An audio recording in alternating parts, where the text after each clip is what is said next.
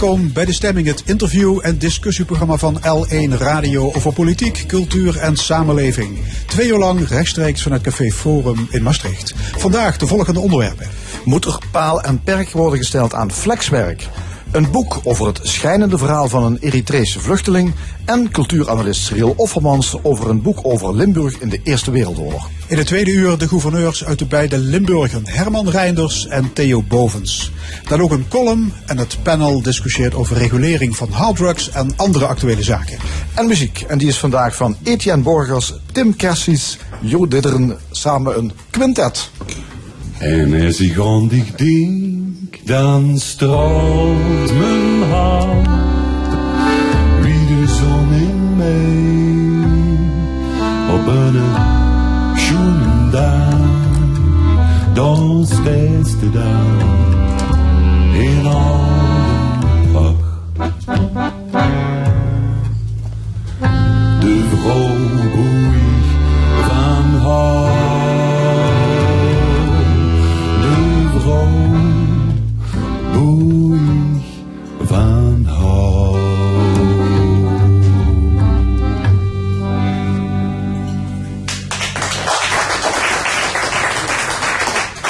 de wildgroei aan flexcontracten. Dat is de belangrijkste boodschap van het donderdag verschenen rapport van de commissie Boslab.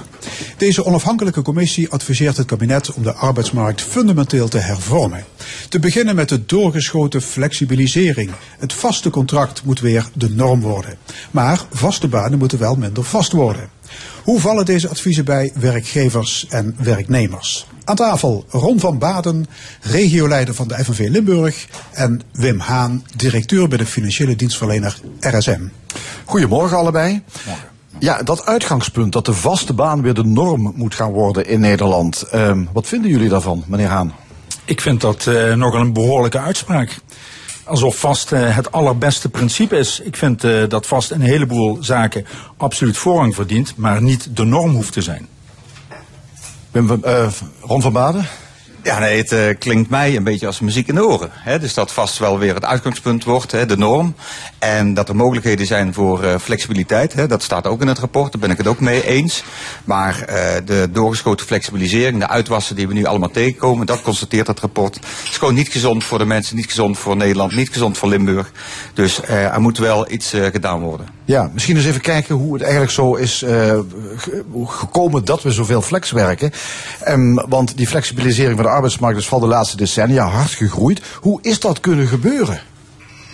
Nou, het heeft vooral ook te maken met uh, ontwikkelingen in de jaren negentig, toen uh, er een heilig geloof was in de marktwerking.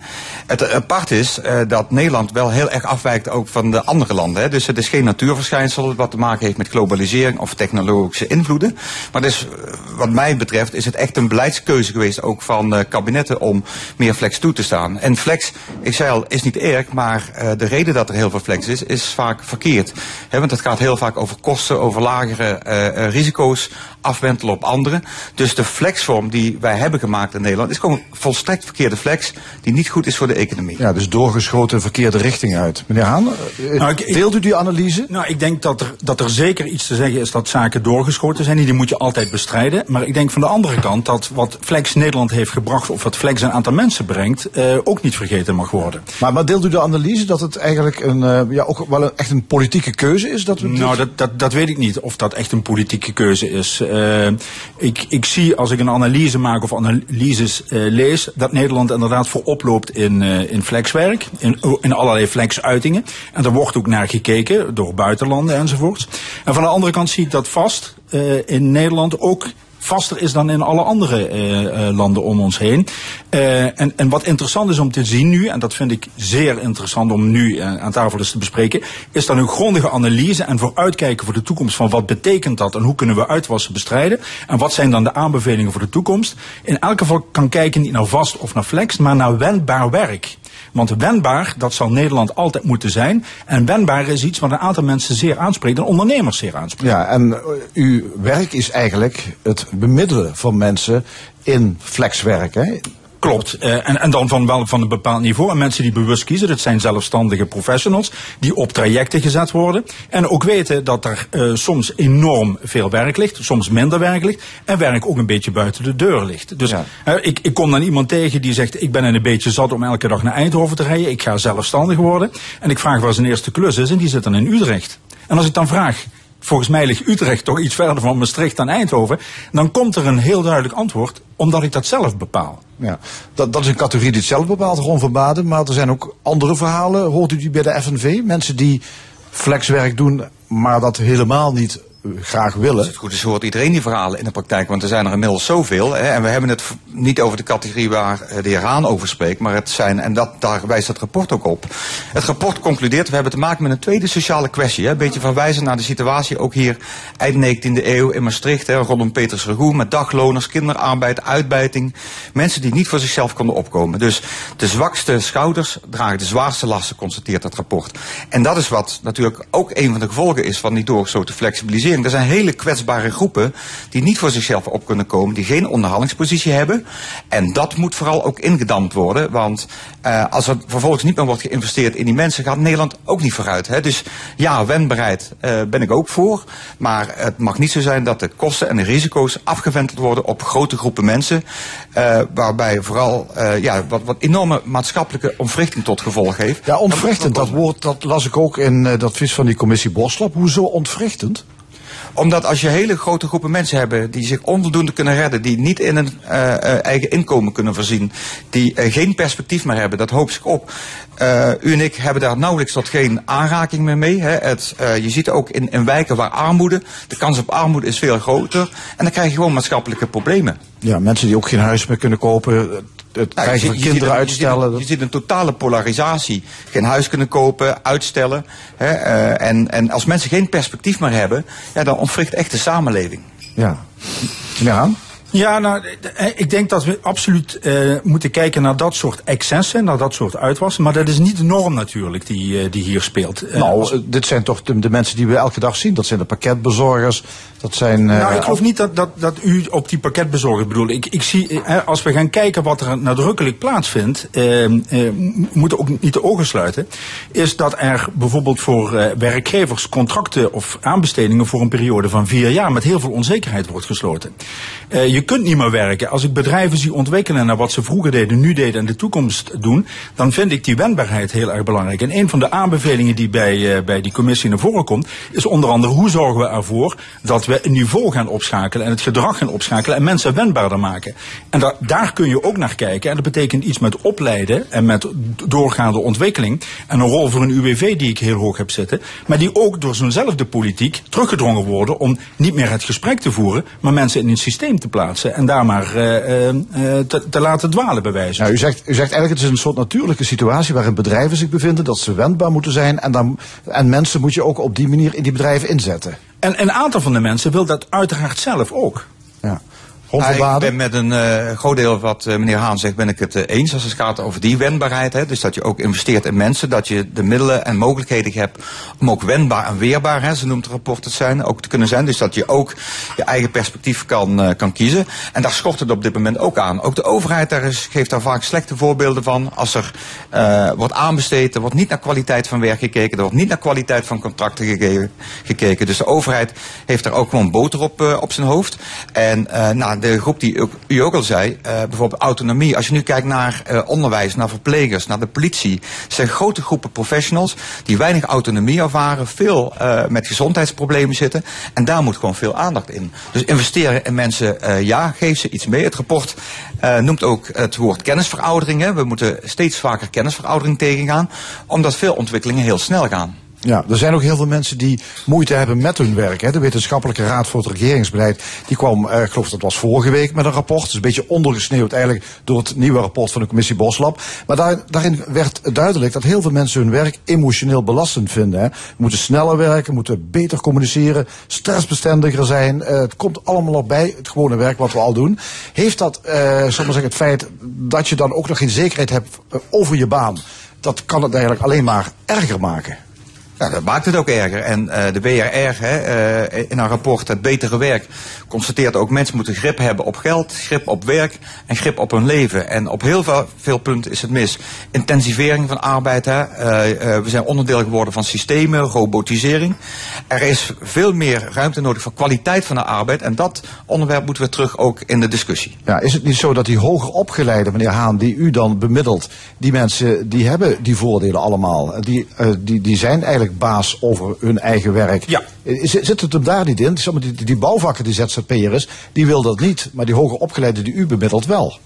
Dat klopt, hè. Uh, maar ik zie ook in die tak van bijvoorbeeld verpleegkundigen of in die tak die, die, die wat lager daaromtrent zit, vaak bewuste keuzes vaak over dat werk. Uh, dat mensen zeggen, ik wil het komende jaar of twee jaar of drie jaar, wil ik niet meer fulltime werken. Dus er zit in die flexkant zitten ook bewuste keuzes om anders te gaan werken. Om bijvoorbeeld niet meer fulltime te werken, om bijvoorbeeld maar drie dagen te werken. En de autonomie zit daar misschien niet zozeer in dat men verbonden is aan een, aan een bedrijf, maar dat men zegt, ik heb een eis gesteld dat je me kunt inhuren voor drie dagen. Omdat dat, gelet op mijn situatie, mijn partner werkt daar bijna in alle gezinnen die ik tegenkom werken twee mensen, niet iemand meer werkt. We hechten dus heel veel waarde aan werk. En hoe je dat ook gaat indelen. Dus iemand die werkt de komende uh, drie jaar drie dagen per week. Dan weer een tijd wil iemand weer fulltime gaan werken of een dienstverband komen. Die wendbaarheid die zou ook gestimuleerd moeten worden door te kijken naar van en wat zou dan zo'n aanbeveling van zo'n commissie kunnen betekenen om het wendbaar te zijn. En ik ben het 100% eens dat uitwassen ten aanzien van flexibilisering uitgebannen moeten worden. Maar kijk ook naar even wat het ons brengt en waar wij dan zo krachtig in Nederland zijn waar we in voorop lopen. Maar het moet niet zo zijn, hè, dat, uh, want, want die wendbaarheid waar u nu over heeft uh, in, in de verpleging zou ook moeten kunnen binnen het vaste contract. Hè, en, en daar hebben we ook een wereld te winnen hoe het werk wordt georganiseerd, hè, hoe werkgevers daar uh, mee, mee omgaan. Het, het, wat het rapport wel zegt is dat de keuze die... Hoe zou je die wendbaarheid dan binnen vaste contracten moeten vastleggen? Want daar, daar nou, het rapport doet daar overigens ook hele, hele slechte voorstellen voor. Ehm, maar de, de wendbaarheid die, die je kan organiseren is bijvoorbeeld ook met ondernemingsschade als het gaat over arbeidstijden. Uh, werknemers hebben ook rechten over uh, uh, wanneer ze wel kunnen werken, hoeveel ze kunnen werken. Dat is allemaal ook geregeld. Nou, volgens, mij, volgens mij heb je daar ook gewoon vooral ook goede managers nodig, goede leidinggevenden uh, en goede afspraken in je bedrijf. En volgens mij kun je, dat, uh, kun je dat op een goede manier organiseren. Er zijn heel veel goede voorbeelden van. Ja, een voorstel van de commissie Boslab is bijvoorbeeld om vaste contracten flexibeler te maken. Een werkgever die zou bijvoorbeeld een medewerker straks kunnen korten op uren en op loon dus als er minder werk is. Een soort deeltijdontslag. Is dat iets positiefs? Ik weet niet of dat, of dat positief is. Ik vind dat een van de, van de aanbevelingen die er, die er uitgehaald wordt, net zo goed als dat een bedrijf zegt van ik heb hier gewerkt, maar in uh, Noord-Friesland wel en daar verplaats ik je naartoe. Ik vind dat een beetje de uitwassen die ik denk niet, niet echt uh, van toepassing zijn. Wat ik wel zie is dat een aantal ondernemers uh, serieus in overweging neemt. Als ik nou vastneem, wat betekent dat daadwerkelijk qua risicovorming? Want ondernemers zijn altijd bezig met risico's.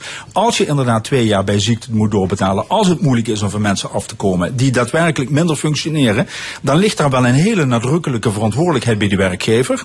Terwijl als ik werknemers opbel, ik bemiddel ook, dan van de tien mensen die ik benader van ben je geïnteresseerd in een overstap, zeggen er vijf, laat eens horen wat je hebt. En het gaat nooit, bijna nooit als ik ze spreek over meer geld. Het gaat om in een andere setting te zitten. Dichter bij huis, in een familiebedrijf, juist internationaal, op een wat andere tak, meer zeggenschap te hebben. Er zit enorm veel dynamiek en mobiliteit in die arbeidsmarkt bij een aantal van de werkenden zelf.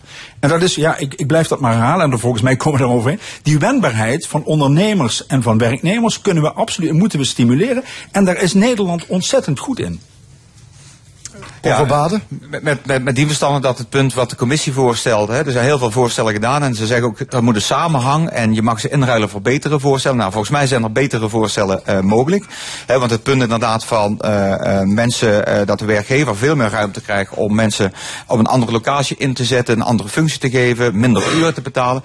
Nou, dan zie ik toch dat er veel risico's worden afgewenteld op die, op die werknemer. Ik ben het er helemaal mee eens hè, en daar gaat veel meer het rapport van de WRR over, van investeer ook in de kwaliteit van die arbeidsorganisatie, uh, investeer in management.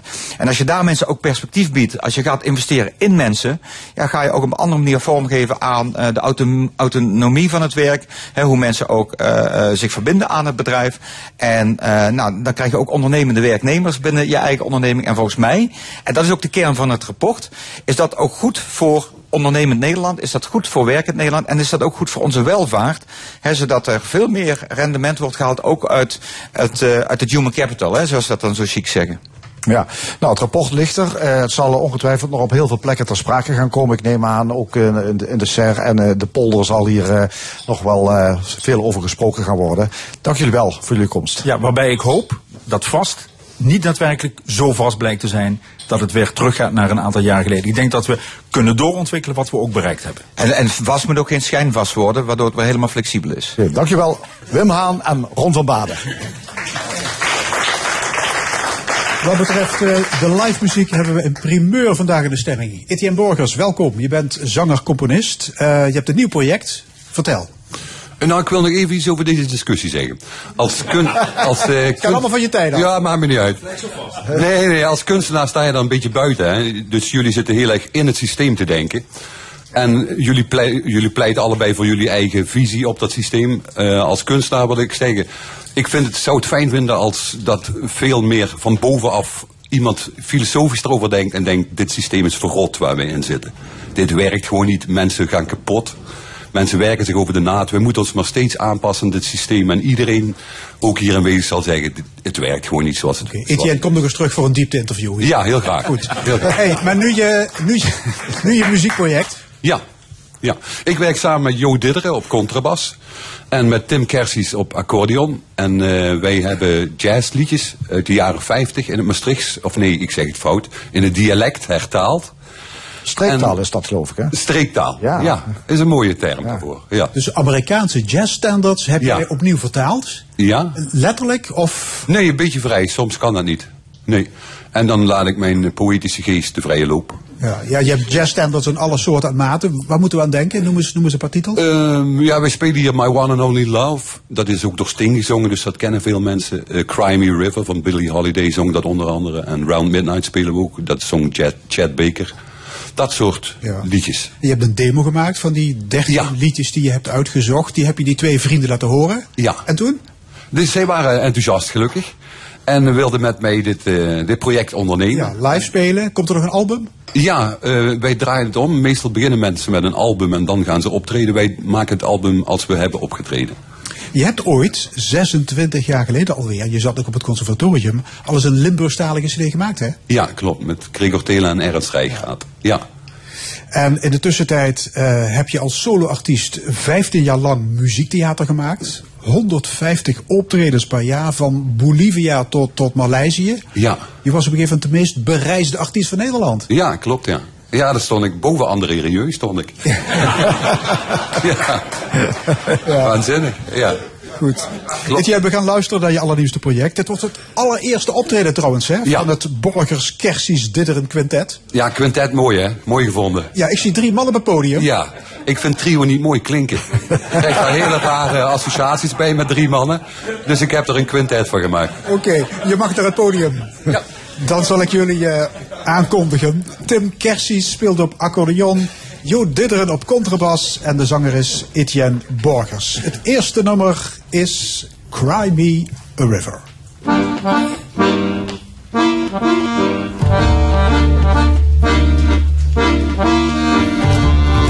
Nu ich fühl mich allein.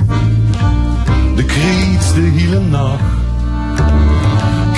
Mich de Maas voll, kriegt mich de Maas voll. De Jäger is al vol van mich.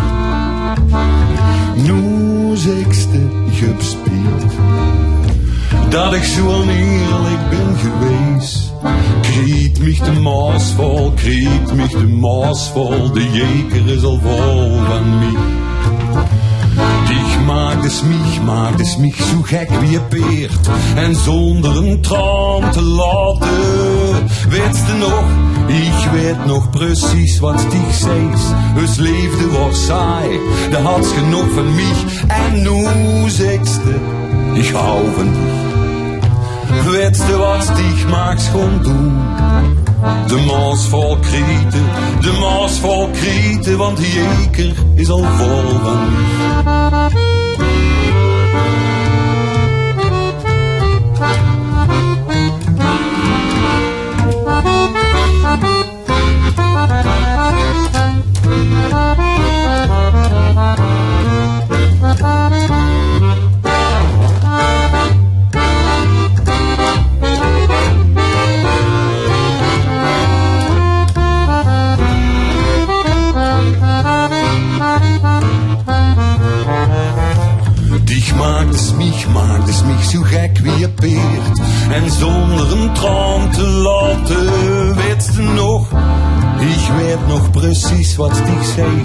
Het leven was saai, daar had genoeg van mij. En nu zegst ik hou van dich. Weet je wat dich maakt gewoon doen? De maas vol krieten, de maas vol krieten, want de jeker is al vol van mij. Want de jeker is al vol van mij. Want de jeker is al vol van mij.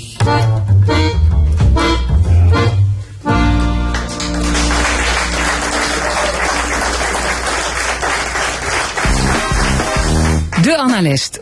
Vandaag onze cultuuranalist Cyril Offermans. Cyril, welkom. Hi. Waar wil je het vandaag over hebben? Ehm, over een boek dat een paar dagen geleden is verschenen, begreep ik. Ehm, het, is, het heet Limburg en de Eerste Wereldoorlog.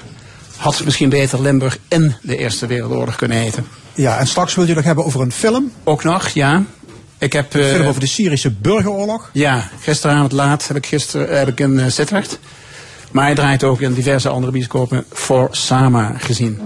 Een buitengewoon indrukwekkende film uit Syrië. Goed, laten we het eerst hebben over, eh, over dat boek. Limburg en de Eerste Wereldoorlog. En eh, ja, een dikke pil van bijna 500 bladzijden. Wat is het voor een boek? Ehm, als je het zo ziet, dan krijg je eigenlijk de indruk dat er een soort jongensboek is. Er staat een tekening van een eh, soldaat uit de Eerste Wereldoorlog voorop. Met een beetje een vaag fotootje gecombineerd. Het lijkt alsof Jan Terlouw opnieuw in de pen geklommen is om een soort vervolg te schrijven op eh, oorlogswinter. Maar dat is het helemaal niet. Het blijkt, als je het openmaakt, te gaan om een verzameling van teksten. eh, van zeer heterogene aard. Je kunt ook zeggen, het is een allegaartje, minder officieel uitgedrukt. Ook een beetje een rommeltje op het eerste gezicht. Het zijn teksten uit ehm, zeer uiteenlopende tijden. En ook geschreven door zeer uiteenlopende mensen. Ook in de zin van dat het voor een deel gaat om academische historici. Voor een ander deel om amateurhistorici. Om ooggetuigen uit die jaren. Krantenartikelen. Het maakt op het eerste gezicht een beetje een ontoegankelijke en rommelige indruk. En ik moet zeggen dat het boek ehm, om die reden ook ongewild het belang onderstreept van een goede professionele redacteur. Die had het boek op een veel hoger niveau kunnen tillen. Dus een go- goede eindredacteur had wonderen kunnen doen. Die had wat kunnen ja, snoeien, de boel die had moeten hoger die had verdubbelingen, overlappingen moeten weghalen. Die had moeten herschrijven. En die had vooral, want dat vond ik toch eh, in eerste instantie het meest irriterende. Eerlijk. Er zit iets irriterends in dat boek. Straks zal ik ook een paar hele positieve dingen vertellen, want die zitten er ongetwijfeld ook in. Maar het irriteert bijvoorbeeld als je al heel snel merkt dat bijvoorbeeld namen zelfs verkeerd zijn gespeld. Iemand heet Ariane de Ranits, maar heet vervolgens in de inleiding of in de inhoudsopgave en ook verder weg, verderop in het boek Ariana. Dat is maar één voorbeeldje hoor, want er zijn teksten waarbij je op elke pagina met gemak tien eh, spelfouten, tikfouten, taalfouten kunt aanwijzen.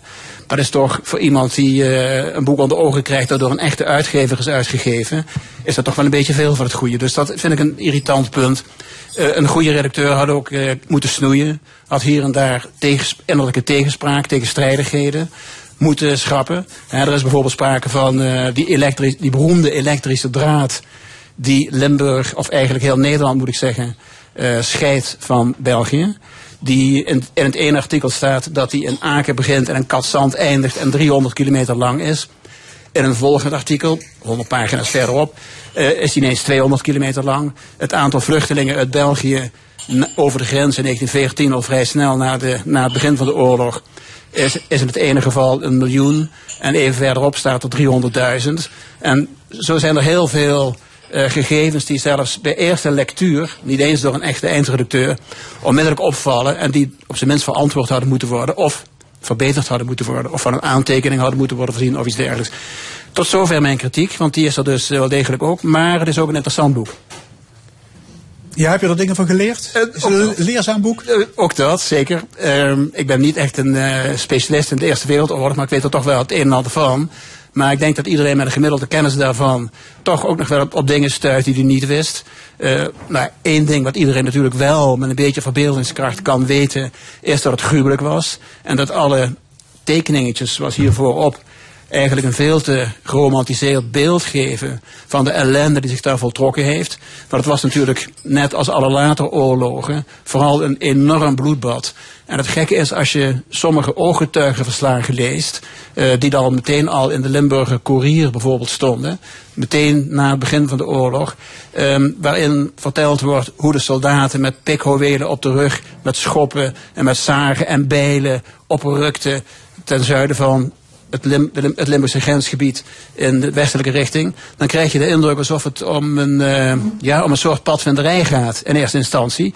Er zijn ook mensen die, een pracht, die letterlijk schrijven een prachtig gezicht of soortgelijke formuleringen. Alsof het allemaal heel spannend en heel leuk is. Maar het is bepaald geen padvinderij, want uh, heel snel daarna blijkt dat het, dat het een enorm bloedbad is. En eigenlijk al vanaf de eerste dag.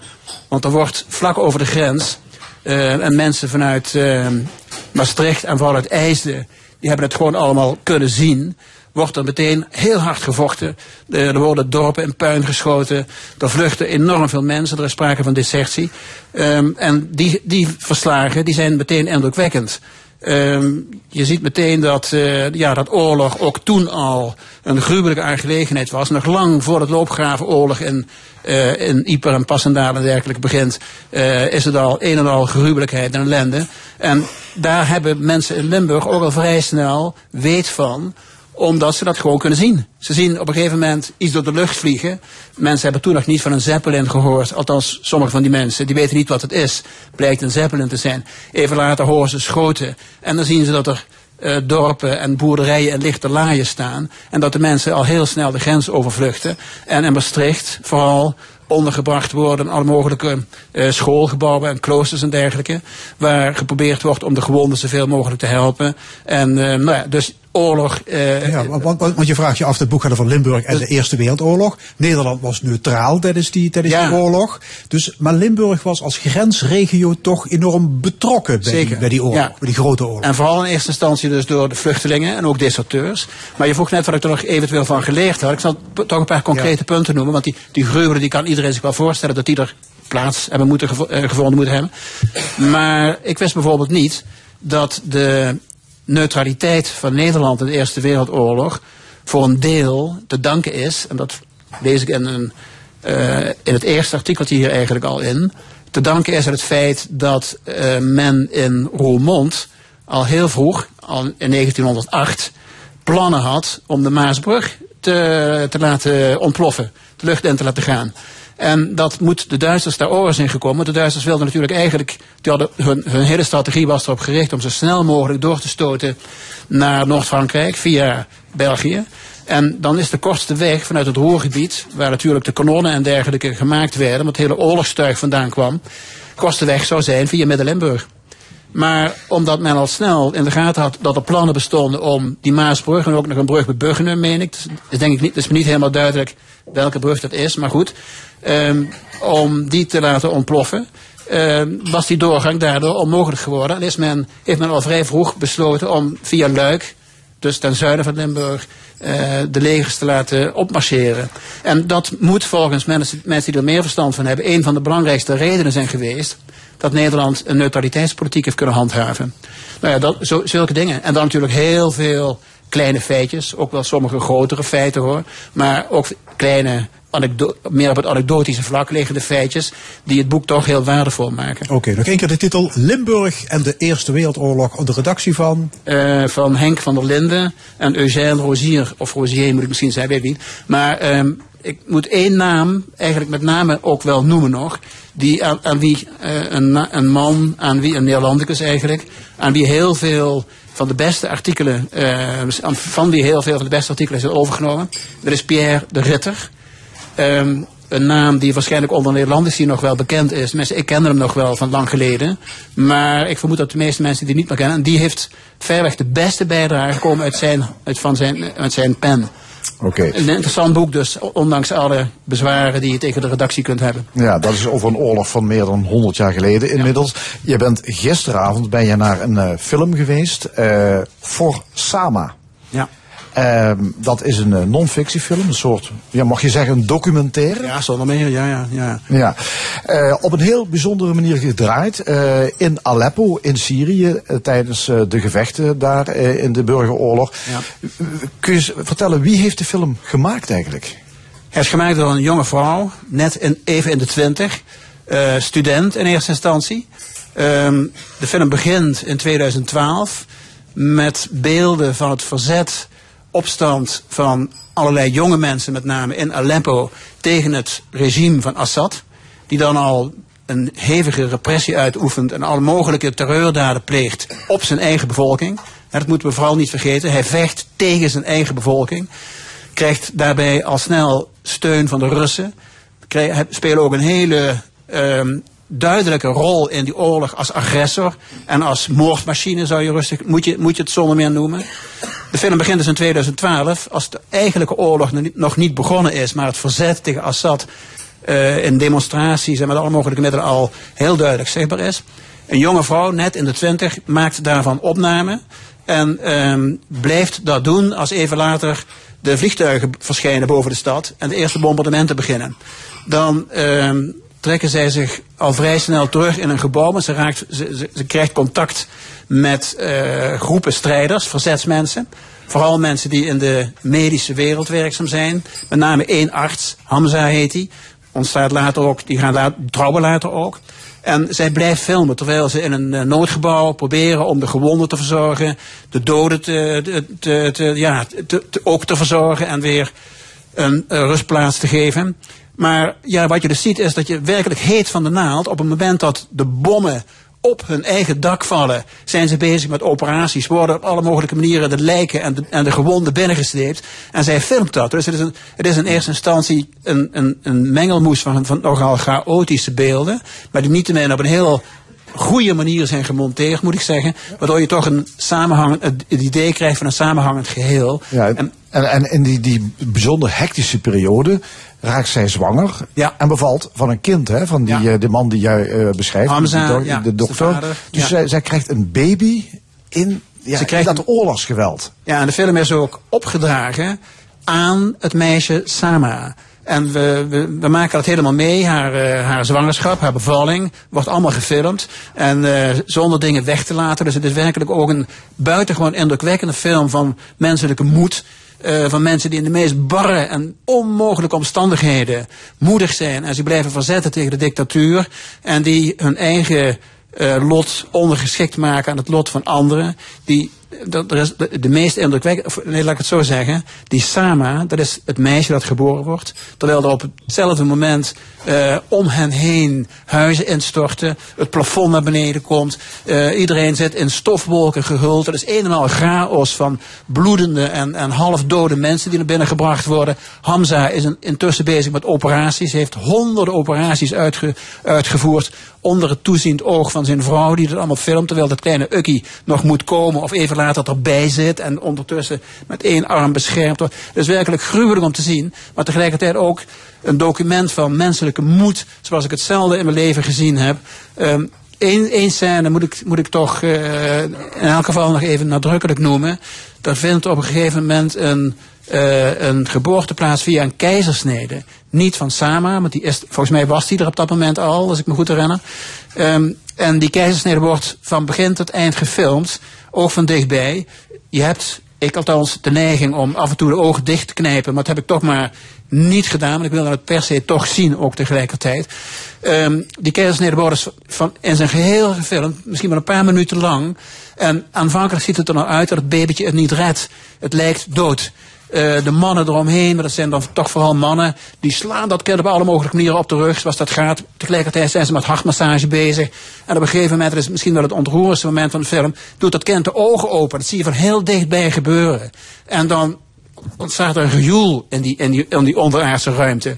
En uh, nou ja, er is dan er is zo'n fantastisch moment van leven te midden van de, van de enorme massamoord die daar plaatsvindt.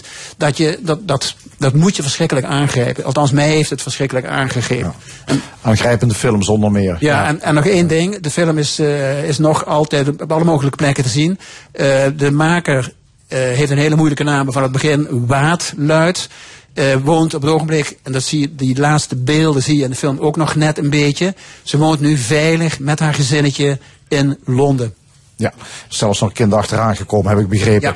Voor Sama. En kijk inderdaad even op internet. Daar kun je zien waar de film draait in verschillende filmhuizen hier, Ja. ook in Limburg. Ja. Dankjewel, Cyril. Graag gedaan. Zo dadelijk in de stemming schrijfster Gerda Crozet. Ze schreef een onthutsend boek over de zes jaar durende tocht van Eritrea naar Europa van een jonge vluchteling. Maar eerst het Etienne Borgers, Tim Kersies, Jo Dudderen Quintet. Dit is ook zo'n nummer uit het Great American Songbook. My One and Only Love.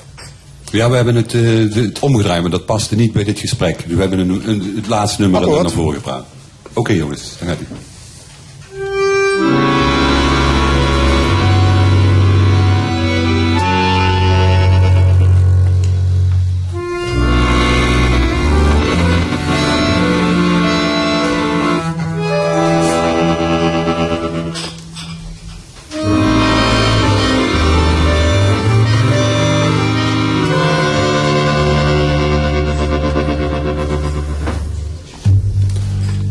Begint altijd rond middernacht, rond middernacht.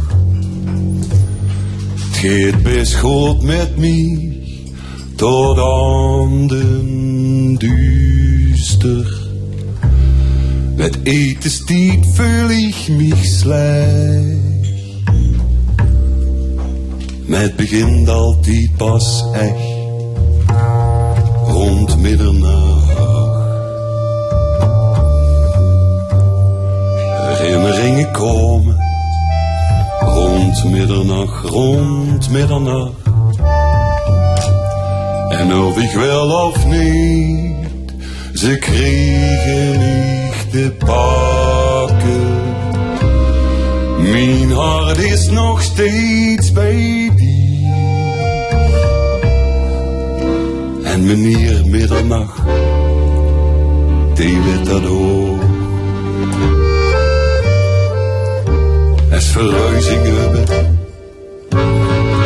en het voelt niet goed. Betekent dat dan dat het voorbij is? Kind, ich hab dich nötig. Maar de laatste tijd pakken weer eens niet meer vast. En ik weet het niet meer. Laat leefde vleugels kriegen. Rond middernacht, rond middernacht. Dat de engelen magen zingen. Dat stichte reukels. Laat het veilig zien en goed. Es meneer middernacht zich weer uit dingen.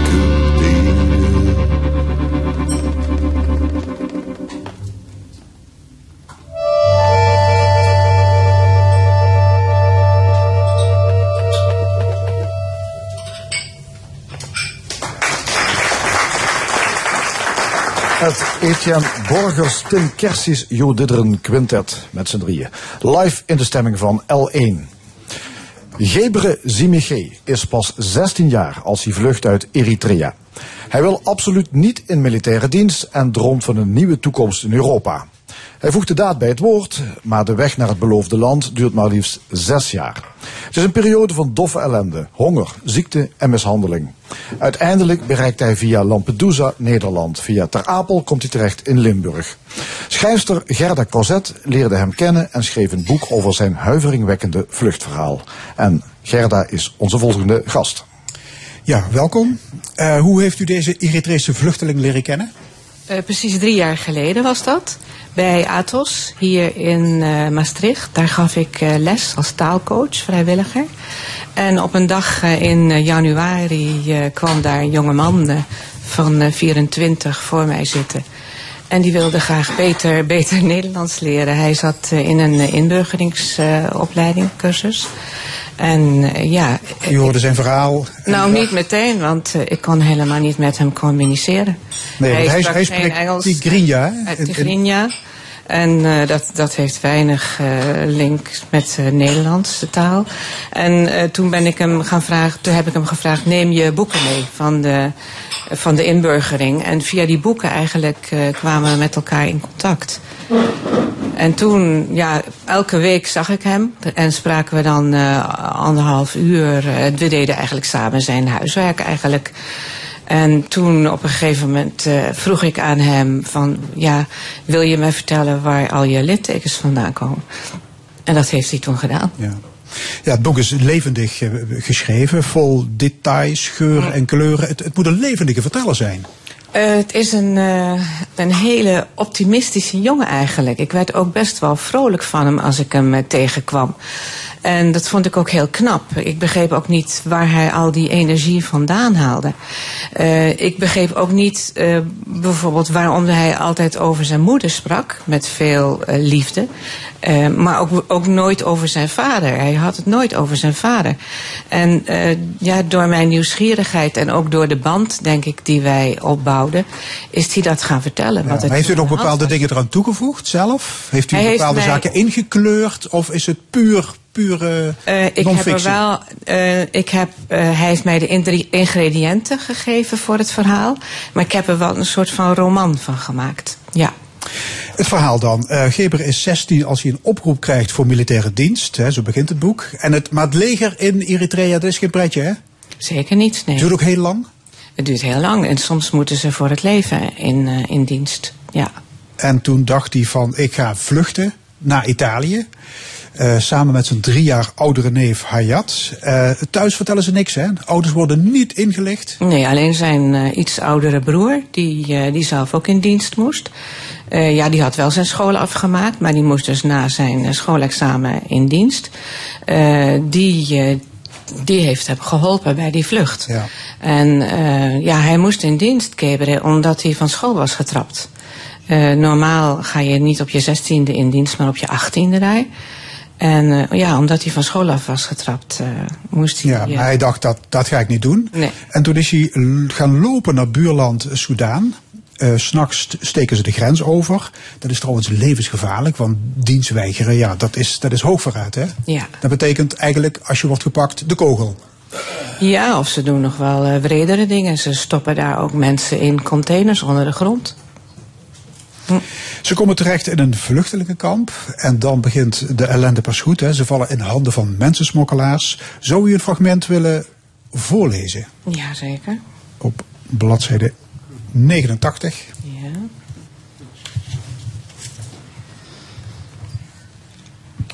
Ik was niet de enige met littekens. Brandwonden, rode en blauwe plekken op armen en benen, snedes, dichtgeslagen ogen. En de meisjes, zag ik het niet dagelijks in de amandelvormige ogen van de meisjes? Ze waren mat, levenloos. Hun blik was naar binnen gekeerd. Hoe vaak kwam er niet een funzige vent langs die er een uitkoos en met een gebaar van zijn hand commandeerde hem te volgen. De mooiste mochten het eerst. Seksslavinnen waren de meisjes, overgeleverd aan de lusten en driften van monsters. We waren terechtgekomen in een wrede wereld, ver weg van alles wat normaal en menselijk was, opeengepakt met tienduizenden tegelijk. Vluchtelingen op zoek naar een dak boven hun hoofd, een veilige haven en voedsel. Maar in plaats van omarmd te worden door onze gastheren, werden we tot nummers gereduceerd, vielen we in handen van mensensmokkelaars, op seksbeluste smeerlappen en geldwolven met riemen en andere voorwerpen om wanbetalers mee af te tuigen. Waar was God gebleven? Dit is notabene een kamp voor de Verenigde Naties. Ja. Hoe is het mogelijk dat onder toezicht van de VN zich dit soort inhumane praktijken afspeelt? Ja, daar speelden zich verschrikkelijke dingen af. Er waren ook Bedouinen, die leefden gewoon aan het rand van dat kamp. En die namen gewoon ook gezo- gezonde jongens mee. Ja. Ja. Goed, dan bereiken ze eh Khartoum, hè, de hoofdstad van Soudaan. Daar blijven ze twee jaar. Ze verdienen de kost met, met poetswerk, vloeren schrobben, wc's schoonmaken. Want ze moeten die mensensmokkelaars betalen. En intussen thuis wordt in Eritrea wordt Gebres vader opgepakt. Ja. Waarom? Eh, omdat zijn eh, twee zonen inmiddels er vandoor zijn gegaan. Zijn vader is opgepakt. Dus En als een soort wraakactie ja, eigenlijk, vergelding. Straf, ja. Ja. Hij is in een werkkamp gestopt. Ja, Ja, en dat leidt weer tot grote schuldgevoelens bij de zoon. ja enorm, ja. Dat de, is de, de, een vader zit de bak omdat Ja. zoon lief zo nodig moest vluchten. Dat is een rode draad door het hele verhaal eigenlijk, ja. ja. Dan moet hij voor een enkele reis eh, Lampedusa moet hij 4000 dollar dokken. En ja, dat wordt het, het, laat ik zeggen, het dieptepunt van die, van die hele vlucht. Met 15 personen in een vrachtauto dwars door de Sahara richting Libië. Kunt u vertellen wat zich daar onderweg afspeelt? Eh, ze werden dus in een. eh, het eerste deel was in een open truck. Dus vanaf eh, Khartoum tot aan de grens met Libië. En daar werden ze in een grote bak in een vrachtwagen geslagen. Daar waren ze in, inmiddels met, met 20, 35 geloof ik.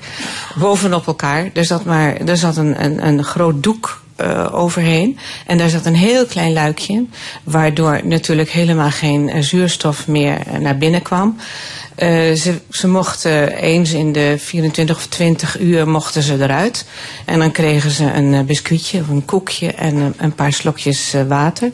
En onderweg, ja, zagen ze natuurlijk die, die, die Hayat en, en Gebe zagen daar eh, langs die dode weg gewoon eh, lichamen. Ja, de, de dode weg, zo wordt die route Ja, genoemd. ja. Hè? Ja, ja. Ook in, die, in deze vrachtauto sterven mensen Ja, acht zijn er tijdens die reis. gegaan, Acht. Die één maand duurt. Ja. Ehm, ja, en sommige passages in uw boek zijn gewoon te gruwelijk om, om te lezen. Hè? Een, een moeder die achter op die laadbak haar kind verliest.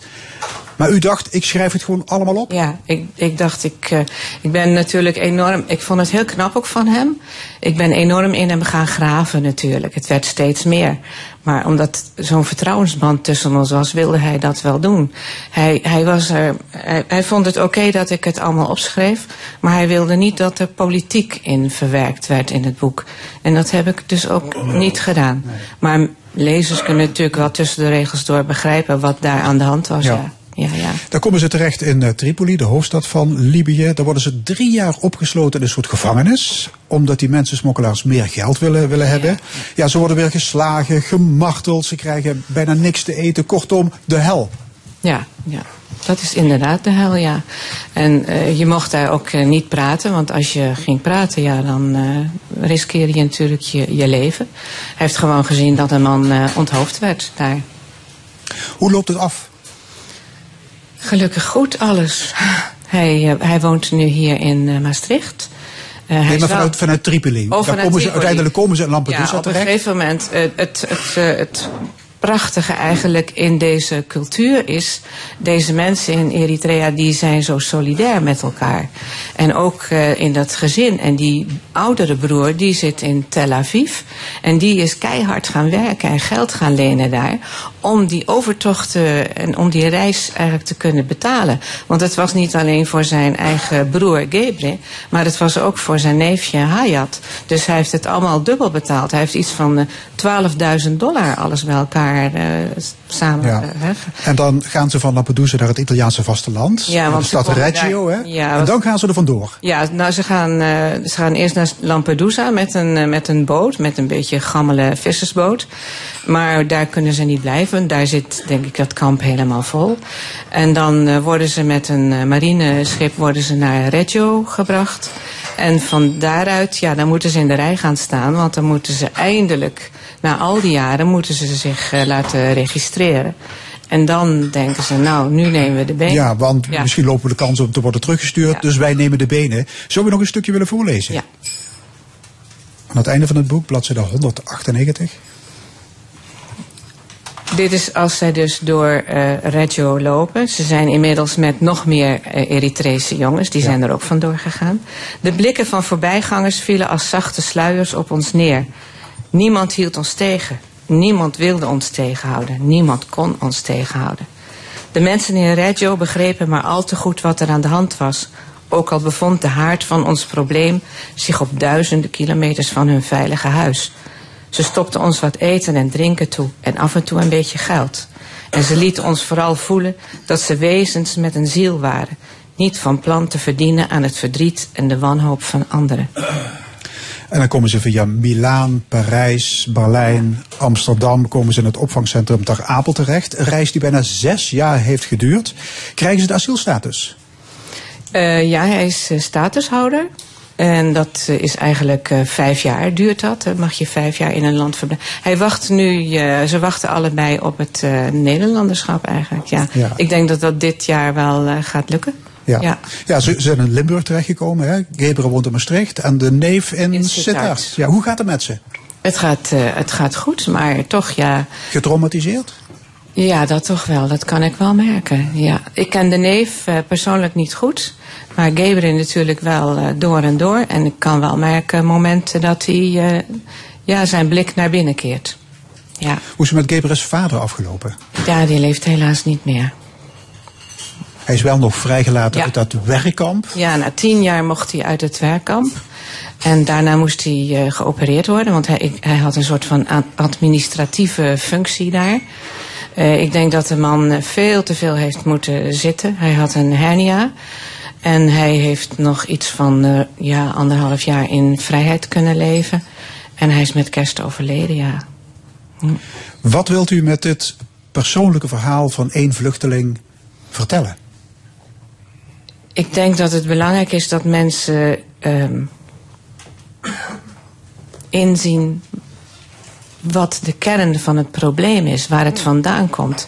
Dat het niet zomaar jongelui zijn die een avontuurlijke reis hè, uh, ondernemen om in een economisch beter land terecht te komen. Kijk, hij wist wel van tevoren dat hij graag naar Nederland wilde. Dat was al toen hij klein, uh, klein kind was, omdat hij, ja, hij zag daar dieren rondlopen die uh, uit Nederland kwamen. Kippen bijvoorbeeld, had ik met zijn moeder op, over en die kwamen uit Nederland. Maar ik denk dat, dat het belangrijk is dat wij, dat wij inzien wat voor leed en wat voor verdriet er aan ten grondslag ligt aan dit alles, ja. En waarom heet het boek De IJssalon van meneer Gebrat? Van meneer Mebrat. Uh, er is in, uh, hij ging vaak met zijn vader en uh, zijn broertjes en zusjes naar een ijssalon toen hij klein was. En uh, dat was de ijssalon van meneer Mebrat in uh, Asmara. En uh, dat heb ik eigenlijk gebruikt als een soort van breuklijn in. Het is eigenlijk een symbolisch, een breuklijn in, in zijn verhaal. Want als hij, meneer Mebrat doet net of hij al die Italiaanse smaakjes van zijn rijke Napolitaanse oom heeft geleerd. En dat is helemaal niet waar. Hij hij, hij, denkt terug als hij in, in, in Italië is aan die meneer Mebrat die niet meer leeft, maar die, die best jaloers zou zijn geweest. Oké, okay, Gerda Crozet, hartelijk dank. De IJsselland van meneer Mebrat is verschenen bij uitgeverij Ad Donker. En na het NRS-journaal van 12 uur zijn de gouverneurs van de beide Limburgen hier te gast. We kijken bij beide heren vooruit naar Limburg in 2030.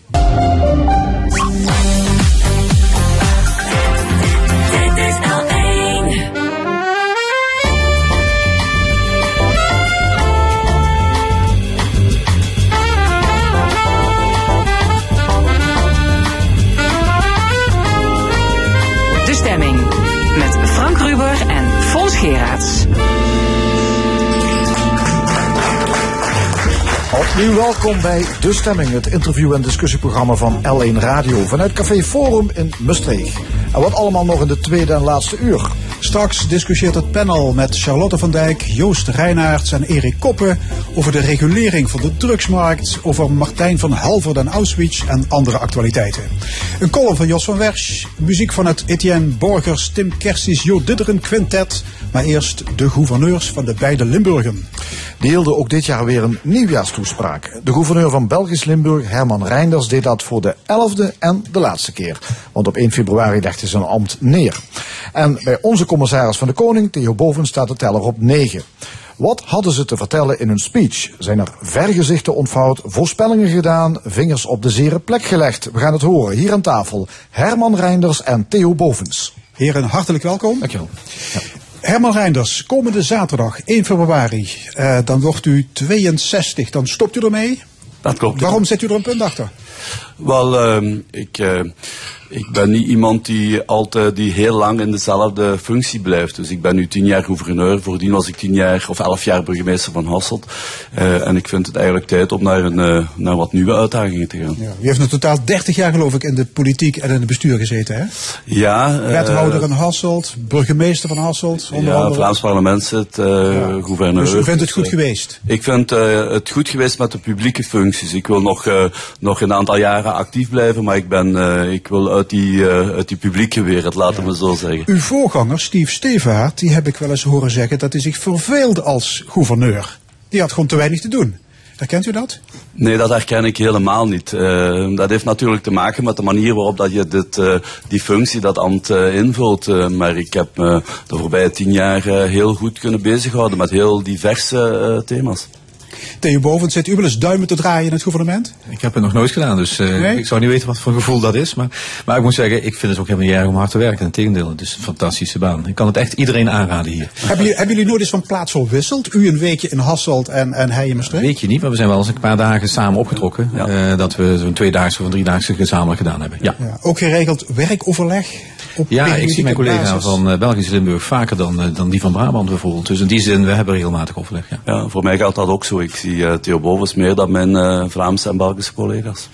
Jullie waren ook op elkaars nieuwjaarsreceptie. hè? Dan wordt er gespeecht. Meneer Reinders, ehm, ziet u er altijd naar uit? Is dat het hoogtepunt van het jaar voor u? De speech van Theo. een nieuwjaarstoespraak. Nee, die van u zelf. ja, speech. Wel, eh, nee, dat is niet echt het hoogtepunt van het jaar. Maar als gouverneur heb je zo'n eh, een paar momenten in het jaar dat je eh, publieke verklaringen kan afleggen en dat je, dat je statement kan maken. En die nieuwjaarstoespraak is er zo een van. Schrijft u hem zelf? Eh, ja, ik schrijf het kader zelf en samen met mijn medewerker eh, verfijnen we die toespraak. Ja, idem dito. Dus eh, er- wij, wij zijn doen dat met twee of drie mensen. Zitten we echt tussen kerst en nieuwjaar soms elf versies heen en weer te sturen enzovoort. Ja, dat is veel werk. Ja. Ja, de versie die de Nakenval gehaald heeft, die gaat eh, onder andere over Limburg, over pak een beetje een jaar of tien. Ja. Hè, Ja. Dus doorkijken, glazen bol misschien wel. De glazen bol van boven. Ja, en u, Ja. ja, u, u voorspelde dat Limburg het nieuwe Houston wordt. Ja. Toen dacht ik even, Houston, hoezo? Ja, dat had eh, te maken met de Einstein-telescopen. Dat is natuurlijk een metafoor, dat is helder. Maar eh, ik denk dat eh, als eh, Europa eh, de Einstein-telescoop zal omarmen... en dat dus inderdaad, dat wordt een wereldproject. Een project wat echt een nieuwe generatie van de wetenschap zal, eh, zal inluiden. Eh, ja, dan heb je ook een grondstation nodig voor zo'n eh, zo'n telescoop. De telescoop ligt overigens onder de grond, we maken zich niet ongerust. Maar dan zou dat eh, prima in Limburg kunnen. Als je de, de wetenschappers uit de hele wereld die met zwaartekrachtgolven, ruimtegolven bezig zijn, kunt verzamelen in Limburg, ja, dan ben je het Houston van die ontwikkeling. Een beetje zo wat de NASA is voor Amerika, zou Ja, dan... zou dat voor kunnen zijn voor de, de, de zwaartekrachtgolven in de ruimte? Ja, de, die Einstein-telescoop, dat, moet een, dat is een enorm project. Hè? Een, een soort cirkel, drie, buis, drie buizen in een driehoek van ongeveer 10 kilometer eh, per buis onder de grond, zo'n 300 meter onder de grond. Ja. Ja, en dat, eh, waarom En is dat- dat zo goed voor Limburg als dat zou komen? is goed. Niet alleen voor die, die buizen, de aanleg en het onderhoud van die buizen is natuurlijk werkgelegenheid. Maar eh, wat dus nog veel belangrijker is, is dat die wetenschappers zich dan verzamelen rond dat project. Je moet vergelijken wat in, in Zwitserland gebeurt met CERN, waar een andere grote ontwikkeling in de natuurkunde bezig is. En waar zich zo'n aantal duizend wetenschappers per jaar verzamelen om onderzoeken te doen met die, dat is een 27 kilometer lange buis. Ehm, dus je probeert eh, die nieuwe ontwikkelingen die fysiek in Limburg prima zouden passen, te koppelen aan, eh, aan de wetenschap. Ja, fysiek eh, past dat mooi, want ik denk Ja. wel Heuvelland, moeten we daar Nee, buizen is doorheen gaan Nee, dat trekken? is 300 meter onder de grond. En de grondsamenstelling is eigenlijk ideaal. En die is ideaal. Het leuke is dat die ideaal is ook met een stukje in Duitsland en een stukje in België. Waardoor het ook meteen een drielandenproject is. Ja, nou is het natuurlijk maar de, de vraag of Limburg dat krijgt. Hè? Want er zijn nog wel wat gegadigden. En ja, dit is inderdaad een heel prestigieus project, dus iedereen trekt daar hard aan. Ik denk altijd, wij staren ons dan vaak blind op het feit dat wij het wel zullen krijgen. En zien niet dat anderen misschien veel slimmer bezig zijn en één- ons aftroeven Er is daar. maar één concurrent, dat is Italië, dat is Sardinië, dat is een andere plek. Ja, vlak de- Sardinië nooit uit, hè? Ja, nee, dat weet ik. Maar de, eh, de fysieke ruimte zal het bepalen. Dus het zal straks bepaald worden daar waar het het beste kan. En het is dus geen eh beauty contest van eh, wie legt het meeste geld op tafel enzovoort. Nee, het is daar waar het het beste, voor de omstandigheden het beste zijn om dat ding neer te leggen. Dat zal het gaan winnen. dat is wat anders dan waar eventueel Houston komt. Uh, daar kunnen we natuurlijk wel zelf heel aan trekken. En we hebben de proeffabriek van de Einstein-telescoop gaat dit jaar open, hier in Maastricht. Dat is een proefopstelling, veel kleiner. En daar kunnen zich al de komende tien jaar, terwijl we bezig zijn met die grote, kunnen de wetenschappers zich reeds uh, ja, verlekkeren aan allerlei type onderzoek. Ja, dat, die, die proefopstelling, dat, uh, ja, dat is, daar kun je klein eigenlijk kijken. Al kun je al aan werken. En je moet je voorstellen, het gaat om, om een heel precisie instrument. Het is een lasermeting. En ze hebben mij dat een keer uitgelegd. Als een druppel in het IJsselmeer valt, kun je dat in Maastricht meten. Die druppel kun je meten. Dat, zo uh, precies moet het uh, instrument worden. Die instrumenten zijn er zelfs nog niet. Die worden nu allemaal ontwikkeld. Nou, dat is de ontwikkeling waar we het over hebben. Ja. Um, in uw nieuwjaarstoespraak um, las ik dat u ook zei dat wij veel meer in balans moeten raken met onze omgeving. Ja. Ja, ik denk dat dat, uh, als je nu kijkt waar we de discussies over hebben in dit land. Ik heb gezegd balans in de economie, de arbeidsmarkt, balans in het bestuur, maar ook balans in de omgeving. We hebben discussies over stikstof, over klimaatverandering enzovoort. En we zijn echt op zoek naar een nieuw evenwicht. Uh, en ik denk dat we dat in 2030 meer gevonden hebben dan nu. Uh, we krijgen ook daar middelen voor, we krijgen instrumenten voor, een omgevingswet, et cetera. En die grote discussies die we nu nog hebben over klimaat, die zullen in 2030 op een andere manier gevoerd worden. Dan zitten wij in een rustiger vaarwater? Nou, niet in de uitvoering, maar dan, zitten we, dan hebben we discussies veel meer over de maatregelen zelf dan dat we daar bij wijze van spreken nog fundamentele discussie voeren of het nodig is of niet nodig is. Dan weten we waar de windmolens staan, waar de zonnepanelen liggen. Ja, die, en dat zijn nog maar de tijdelijke dingen. Hè. Dus in 2050 hebben we permanente oplossingen nodig. Dus, ja. Herman Reinders, in uw nieuwjaarstoespraak heeft u gereageerd op die van, uh, van Theo Bovens. U vond zijn verhaal gedurfd en u was enthousiast over, ik citeer, het geweldige perspectief. Ja, Waarom? dat, uh, dat klopt. Is, is het in Belgisch Limburg niet gebruikelijk om ambities uit te spreken?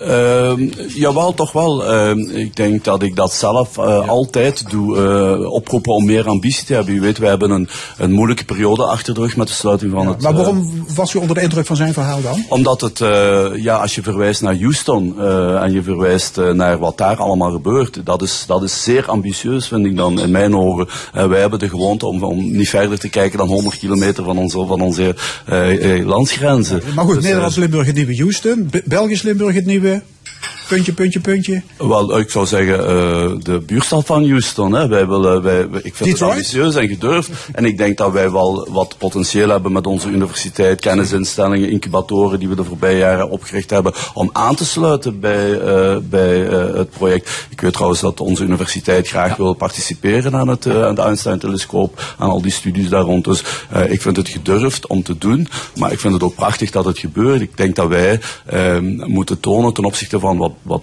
bij ons heet de Vlaamse Ruiter, Randstad, dat wij een sterke regio zijn die ook dit soort gedurfde initiatieven durft, uh, durft te nemen. Ja, u heeft toch één ambitie uitgesproken. Limburg moet de eerste klimaatneutrale regio van België worden. Waar, waarom wilt u de eerste worden? Wel, dit is een uh, herhaling eigenlijk van een, van een ambitie die nog door Steve Stevaart is op de, op de kaart gezet. Hè. En Steve heeft daarover gesproken uh, 15 jaar geleden, toen daar absoluut nog maar heel weinig sprake van was, van klimaatneutraliteit en de klimaatproblematiek. Dat was een visionair. Hij was visionair en eigenlijk is het niet zo onlogisch. Wij hebben een verleden energie, energie rond, uh, rond steenkolen. Ja, wij, dat, wij ook hoor. Ja, we hebben een gezamenlijk verleden, dus ik denk dat, dat we daar van, ja, toen dat van zwarte energie naar groene energie. En ik denk dat we daar heel veel mogelijkheden ook hebben. Uh, maar het is vooral een kwestie van iedereen mee te krijgen en een state of mind te creëren, zodanig dat we daar kunnen aan werken. Ja, Theo Bovens, u wil ook koploper, koploper worden hè, bij de energietransitie. Zeker bij de energietransitie. En dat heeft te maken inderdaad van uh, dezelfde historie, denk ik, dan, dan Belgisch Limburg. Wat dat betreft echt zit heel veel overeenkomsten. Maar kun je dit als provincie, moet je dit niet nationaal of zelfs Europees aanpakken? Uh, alles. Ik bedoel, dat is niet of-of, dat is en-en. In de hele klimaatakkoord, we hebben het uh, als provincies overigens verleden week getekend, het klimaatakkoord. Maar dat betekent dat de uitvoering van het klimaatakkoord komt toch op de provinciale uh, overheden en de lokale overheden hun schouders terecht.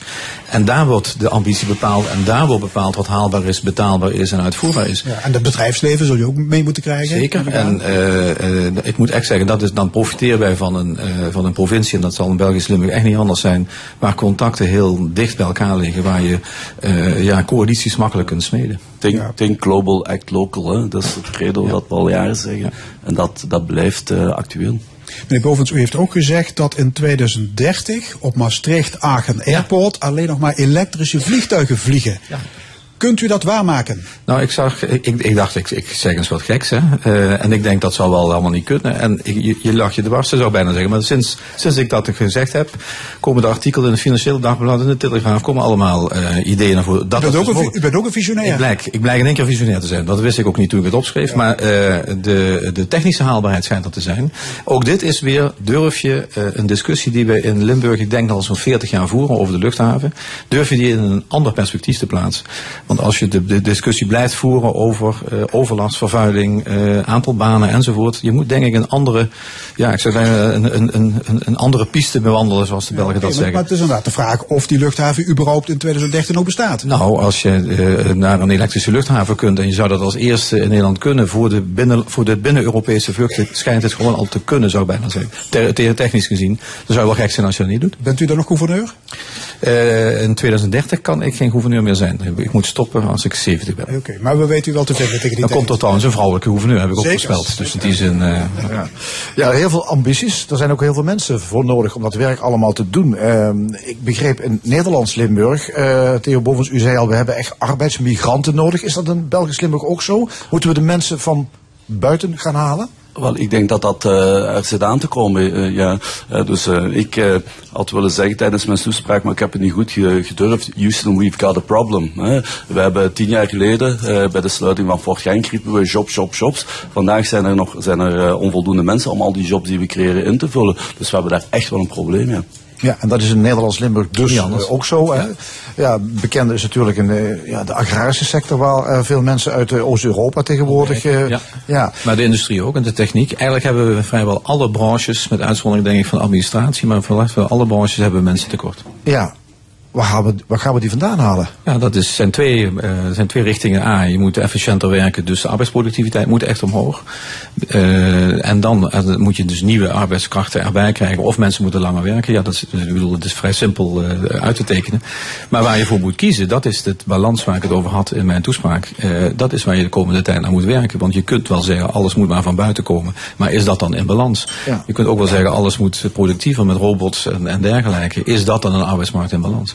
Nou, dat is iets waar we de komende tijd, en ik heb al gezegd, de samenwerking in, uh, in Nederlands-Limburg of in, in Zuidoost-Nederland van de, de, ondernemers, de onderwijsinstellingen en de overheid, moet je uitbreiden met een vierde O, namelijk de O van ons, van burgers. Daar moet een vierde uh, poot in die samenwerking komen. Ja. En als burgers niet worden betrokken bij die ontwikkelingen en het blijft in die driehoek, die triple helix zitten, dan komen we niet in balans. Ja, maar er, er zijn ook heel veel uitwassen hè, met uh, arbeidsmigranten die tegenwoordig hier naar de, naar de regio komen. Ja, en dat en is dus bijvoorbeeld de SP en ChristenUnie hebben onlangs een plan uh, gepresenteerd om het aantal, de toestroom juist te beperken, omdat mensen in hele slechte omstandigheden terechtkomen. Ja, maar daar hebben wij als provincie uh, zetten wij fors in op betere omstandigheden, beter wonen, uh, huisvesting. Huizen in, in woonwijken of Ook. aparte, zal maar zeggen, kolenhotels? Als het maar kwaliteit heeft, hè, dus dat is de eerste plaats.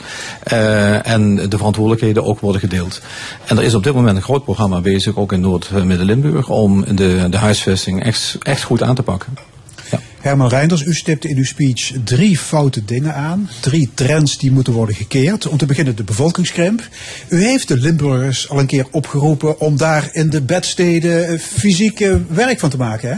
Ja, ik doe dat al, ik doe dat al grappend. Hè. Ik wil niet vergeleken worden met uh, de Hongaarse premier, maar uh, uh, ik doe dat al grappend omdat van dit, dit soort boodschappen blijft wel hangen. Dat er wordt niet naar u geluisterd, geloof ik, hè? nee, er wordt niet goed geluisterd. Nee, en ik, ik word te ouder om vooral het goede voorbeeld te gaan geven ook nog.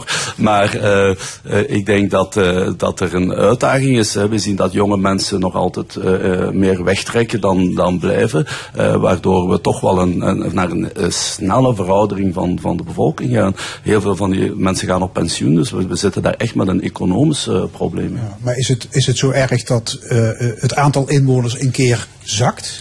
Is Wel, vandaag is dat, we hebben nog geen krimp. Hè. Het is niet zo dat het vandaag problematisch is dat we spreken van een, kunnen spreken van een krimp, maar de, de, de demografische berekeningen wijzen uit dat als, als er niets gebeurt, dat dat wel binnen uh, 10, 15 jaar gaat starten, die krimp.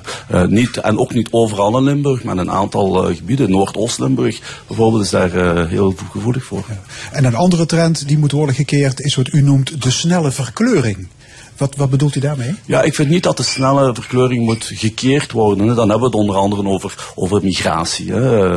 En het feit dat wij, wij met een, grote groep, een, uh, een, grote bevolkingsgroepen zitten van Turkse, Marokkaanse en andere origine, waar men per definitie nog altijd meer kinderen heeft dan bij de autochtone uh, bevolking.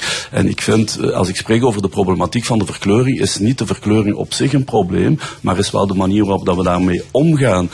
we moeten die mensen, die kinderen, op een betere manier begeleiden in het onderwijs. Zorgen dat die ook uh, naar de universiteit gaan. Zorgen dat die ook een technische richting volgen, diploma's halen. Dat ze beter geïntegreerd worden in ja, de samenleving. Ja, want u legt een verband tussen, die, tussen de vele allochtonen en de groeiende sociale ongelijkheid. Ja, daar is dus, dus die zitten vooral in de onderkant van de samenleving. Ja, die zitten inderdaad aan de onderkant van de samenleving met alle, alle gevolgen van dien. Uh, ook op het vlak van onderwijs en op het vlak van, van uh, armoede. Dus de kloof tussen die hoger opgeleide en de lager opgeleide ziet u groeien in Belgisch Limburg? Ja, zie ik, zie ik inderdaad groeien. En, en die, ook die kloof wordt gekleurd. En dat is toch wel voor onze, onze regio een grote uitdaging. Ja, en als prominent lid van de SPA, de Socialistische Partij, zegt u dit, dit, dit is onwenselijk, daar moeten we paal en perk aan stellen.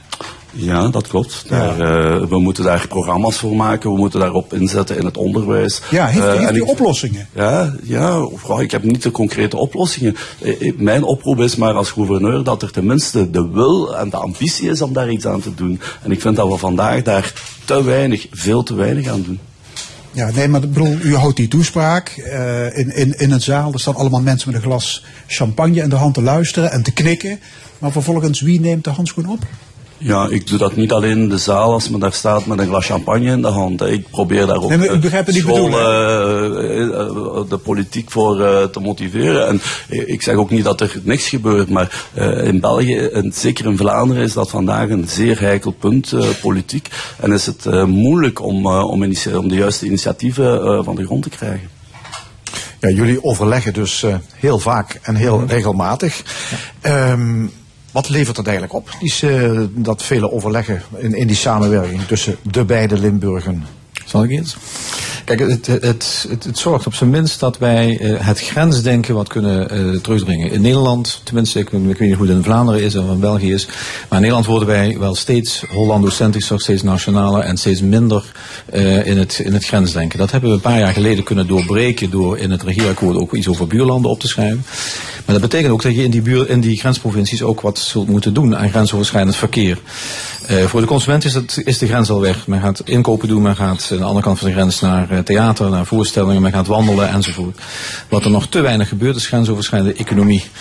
Uh, wij kopen onze paperclips nog eerder in Groningen dan in Jülich of in, in Hasselt, om maar even te zeggen. Terwijl het raar is, want Hasselt is dichterbij enzovoort. Dus je moet nu zorgen dat met name in dat ondernemersvlak er meer samenwerking tot stand komt. Nou, we hebben samen een, een aantal bijeenkomsten gezien en mogen faciliteren van ondernemers, MKB'ers aan beide kanten van de grens. Dat vind ik zo'n concrete resultaten. Daar komen gewoon contact uit, komt handel uit.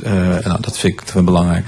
Twee is dat we meer van elkaar weten. Uh, doordat wij uh, af en toe met elkaar op stap gaan, laten wij ook aan, aan, onze eigen provincies zien wat er allemaal te doen is. Wij brengen partijen bij elkaar. De, de, de campus Venlo bijvoorbeeld met het fruit van Sint-Truiden.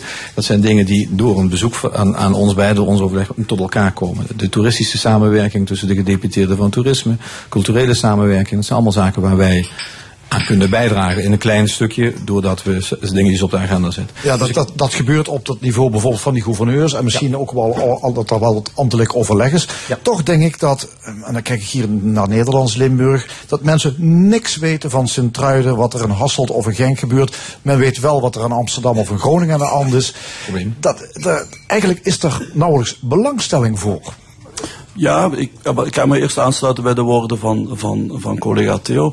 Um, het, het, centralisme in Vlaanderen en België is zo mogelijk nog groter dan in, in Nederland. Hè. De aandacht in Vlaanderen voor alles wat in die Vlaamse ruit gebeurt, hè. Antwerpen, Gent, uh, Brussel, Leuven. Is, is, dat is jullie randstad? Ja, dat is onze randstad, is gigantisch groot. En wat er in de periferie gebeurt, is niet zo aantrekkelijk voor de, voor, voor de Vlaamse decision makers, laat het me nee. zo Nee, maar ook voor de mensen in die ja, periferie, ik, om het dan zo te noemen die hebben ook geen belangstelling voor die andere kant van de Ja, grens. ik denk dat er inderdaad nog veel werk is. Hè. Wij, wij proberen op onze manier eh, al die zaken te doen. Eh, maar ik denk dat er nog heel veel werk is om, om één, eh, mensen te laten samenwerken. Maar dat is al een, een stap verder. En twee, ze meer van elkaar te laten weten. En ik heb dat al gezegd en nu ga ik u de bal terugspelen. Ik vind dat de... Ik voel hem al aankomen. Ja, Ja, ja. ik vind dat de lokale media aan twee kanten van de grens daar veel te weinig aan doen. En niet, in, niet in geïnteresseerd zijn. En als ik dat bespreek met, met journalisten van bij ons, dan zegt men, ja, de mensen zijn daar niet in geïnteresseerd. Maar dat is natuurlijk het verhaal van de kip en het ei. Eh, als men er niks over vertelt, zijn de mensen niet geïnteresseerd. Misschien moeten we eerst wat meer vertellen en raken mensen dan wel geïnteresseerd aan wat er aan de andere kant van de grens gebeurt. Dus wij doen wat we kunnen. En als iedereen dat zou doen, journalisten, media aan twee kanten van die grens, de beide Limburgen in kluis, dan zouden we grote stappen vooruit kunnen zetten. Hartelijk dank Herman Reinders en Theo Bovens, de gouverneurs van Belgisch en Nederlands Limburg. Dank je. Graag gedaan. En dan gaan we luisteren naar het eh quintet Etienne Borgers, Kim Kersis, Jo Didderen. Dit is My One and Only Love.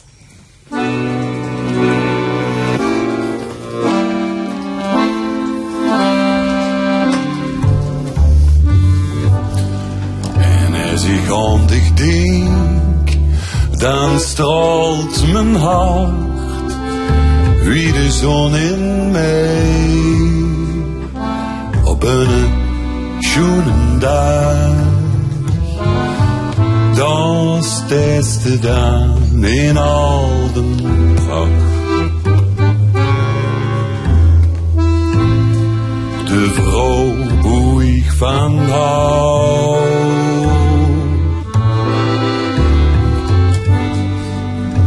Dich in mijn arm, dan staat alles stil. En als dich mich büns, staan ich ganz in brand. Ik blijf bij dich, zolang dich dat wilt. De vrouw hoe ik van hou. En als ich dich pakt, ist een Himmel. Den Himmel, die ich nooit heb gekend. Die bange kleuren roet. Als ich naar dich kiek, ze vertellen mich, dich hörst bei mich. Die vult mijn kloppend hart met zo geluk. En als dich mich büns, staan ich ganz in brand. Ich blijf dich, zolang dich dat wilt.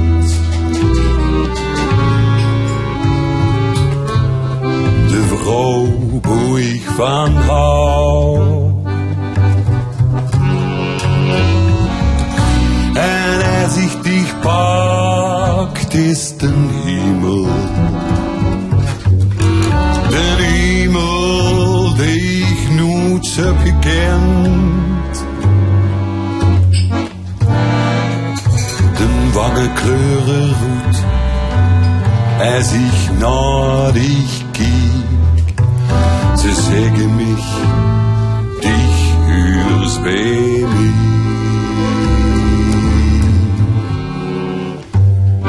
Die vult mijn kloppend hart met zo geluk. En als ik dich bin, staan ich ganz in brand. Ich blijf dich, zolang dich dat wilt.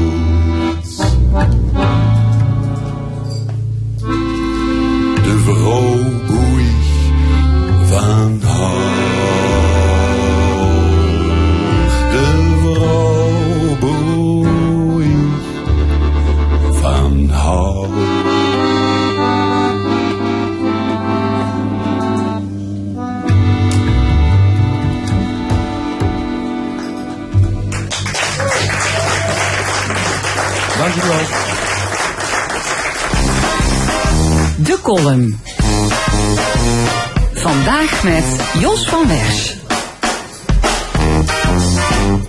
Niet één, maar twee gouverneurs in je programma. Doe maar.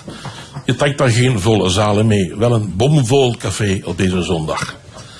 De zelfbenoemde visionairs, Theo Bobens en Herman Reinders, zijn de facto koorknapen die netjes binnen de lijntjes kleuren.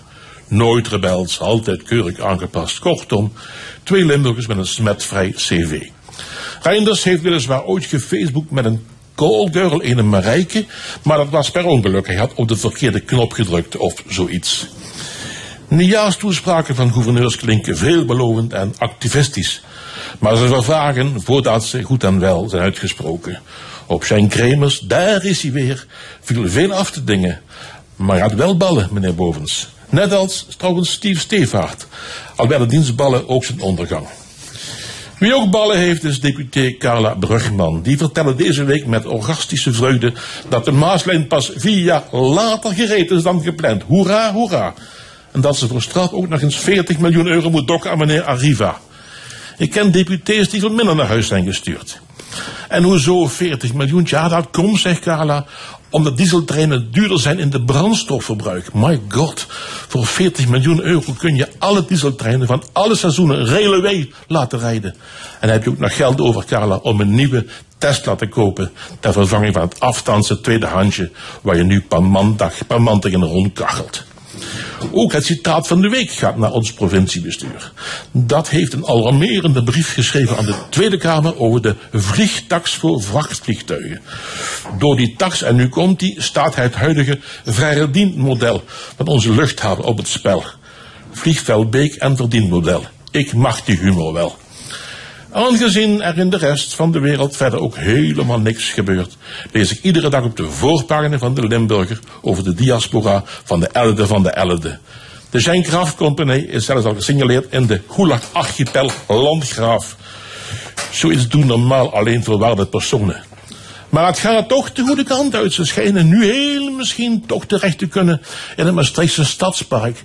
Maar dan zonder Big Benny, want de onderliggende garage heeft dezelfde zwakke songfestivalloze dakconstructie als die van het MEC. Intussen is de Elde van de Elde gedegradeerd van begerenswaardige primadonna tot suffig muurbloempje dat nergens meer ten dans wordt gevraagd. Tot grote schrik van Beppie Kraft die daardoor weer haar verdienmodel in gevaar ziet komen. In de weken voorafgaand aan de vastelovend ziet de wereld in Limburg er zeer overzichtelijk uit. Bij L1 heb je elke dag een halve LVK-finale. En dankzij de Limburger doet de 11 van de 11e en het groot Limburgs butenkampioenschap. Wij, de overgrote meerderheid van de Limburgers die niks op hebben met de Scheile kijken intussen rijkhalsend uit naar As woensdag. De column van Jos van Wers. U luistert naar L1 met De Stemming. We zijn toe aan het discussiepanel. Drie stemmingmakers bespreken in het oog springende actualiteiten. Ik heet van harte welkom Charlotte van Dijk-Pieters, adviseur diversiteit en empowerment. Joost Reinaerts, beleidsadviseur en actief in de PvdA.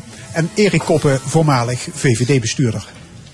Ja, morgen dan wordt de bevrijding van concentratiekamp Auschwitz herdacht, nu 75 jaar geleden.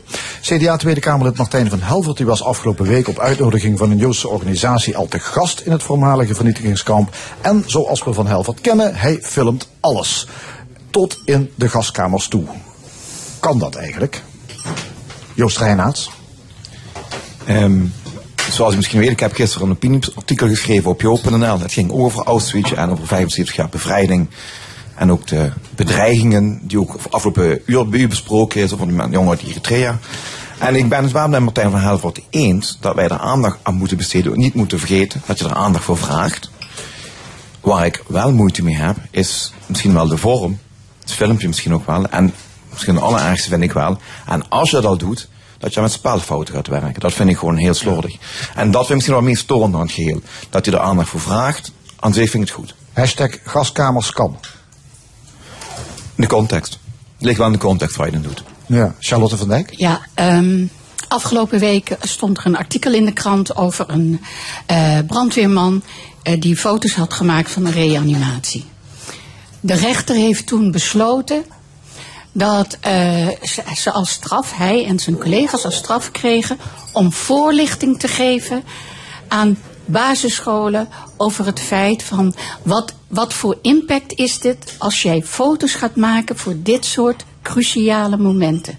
En als we het hebben over overdracht en eh, voorlichting aan basisscholen, aan eh, scholieren, dan denk ik dat dit veel meer impact heeft dan een foto op Instagram. Dus Spijt me erg. Ja, maar een van de argumenten van eh, Martijn van Helvoort was is eh, dat er één op de vijf kinderen geen idee heeft wat er in Auschwitz gebeurde. Dus, dus daarmee ja, verklaarde hij eigenlijk het feit dat hij foto's maakte en dat op zijn. eh, Ja, ik vind het eerlijk gezegd nog allemaal nogal opgeblazen. Ehm, ik sta ook volstrekt achter wat dat betreft.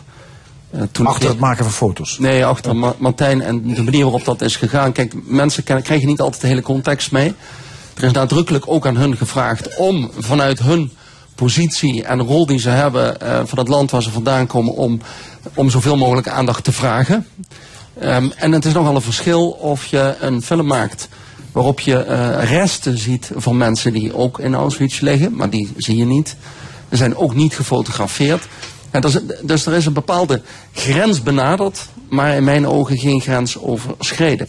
Sterker nog, heel veel mensen maken zich op dit moment zorgen over het feit dat die mensen die toen, van toen, die nu nog hun verhaal kunnen doen, dat wordt er steeds minder. En die moeten op de een of andere manier dat overdragen aan de volgende generatie. Want dit mag nooit vergeten worden. Ik zal nooit vergeten, ik werd door mijn moeder begin jaren 70 naar kostschool gebracht, naar internaat in België. En plotseling stopt ze langs de weg bij een kerkhof en zegt, eh, ik zeg, ja, wat komen we hier doen? En mijn moeder zei, wij gaan de doden herdenken. En eh, ik denk ongeveer vanaf die tijd dat ik ieder jaar naar de dodenherdenking ga. En toen mijn kinderen er kwamen, eh, ne- sinds die tijd neem ik mijn kinderen mee. Omdat ik het belangrijk vind om er ieder jaar bij stil te staan. Ja.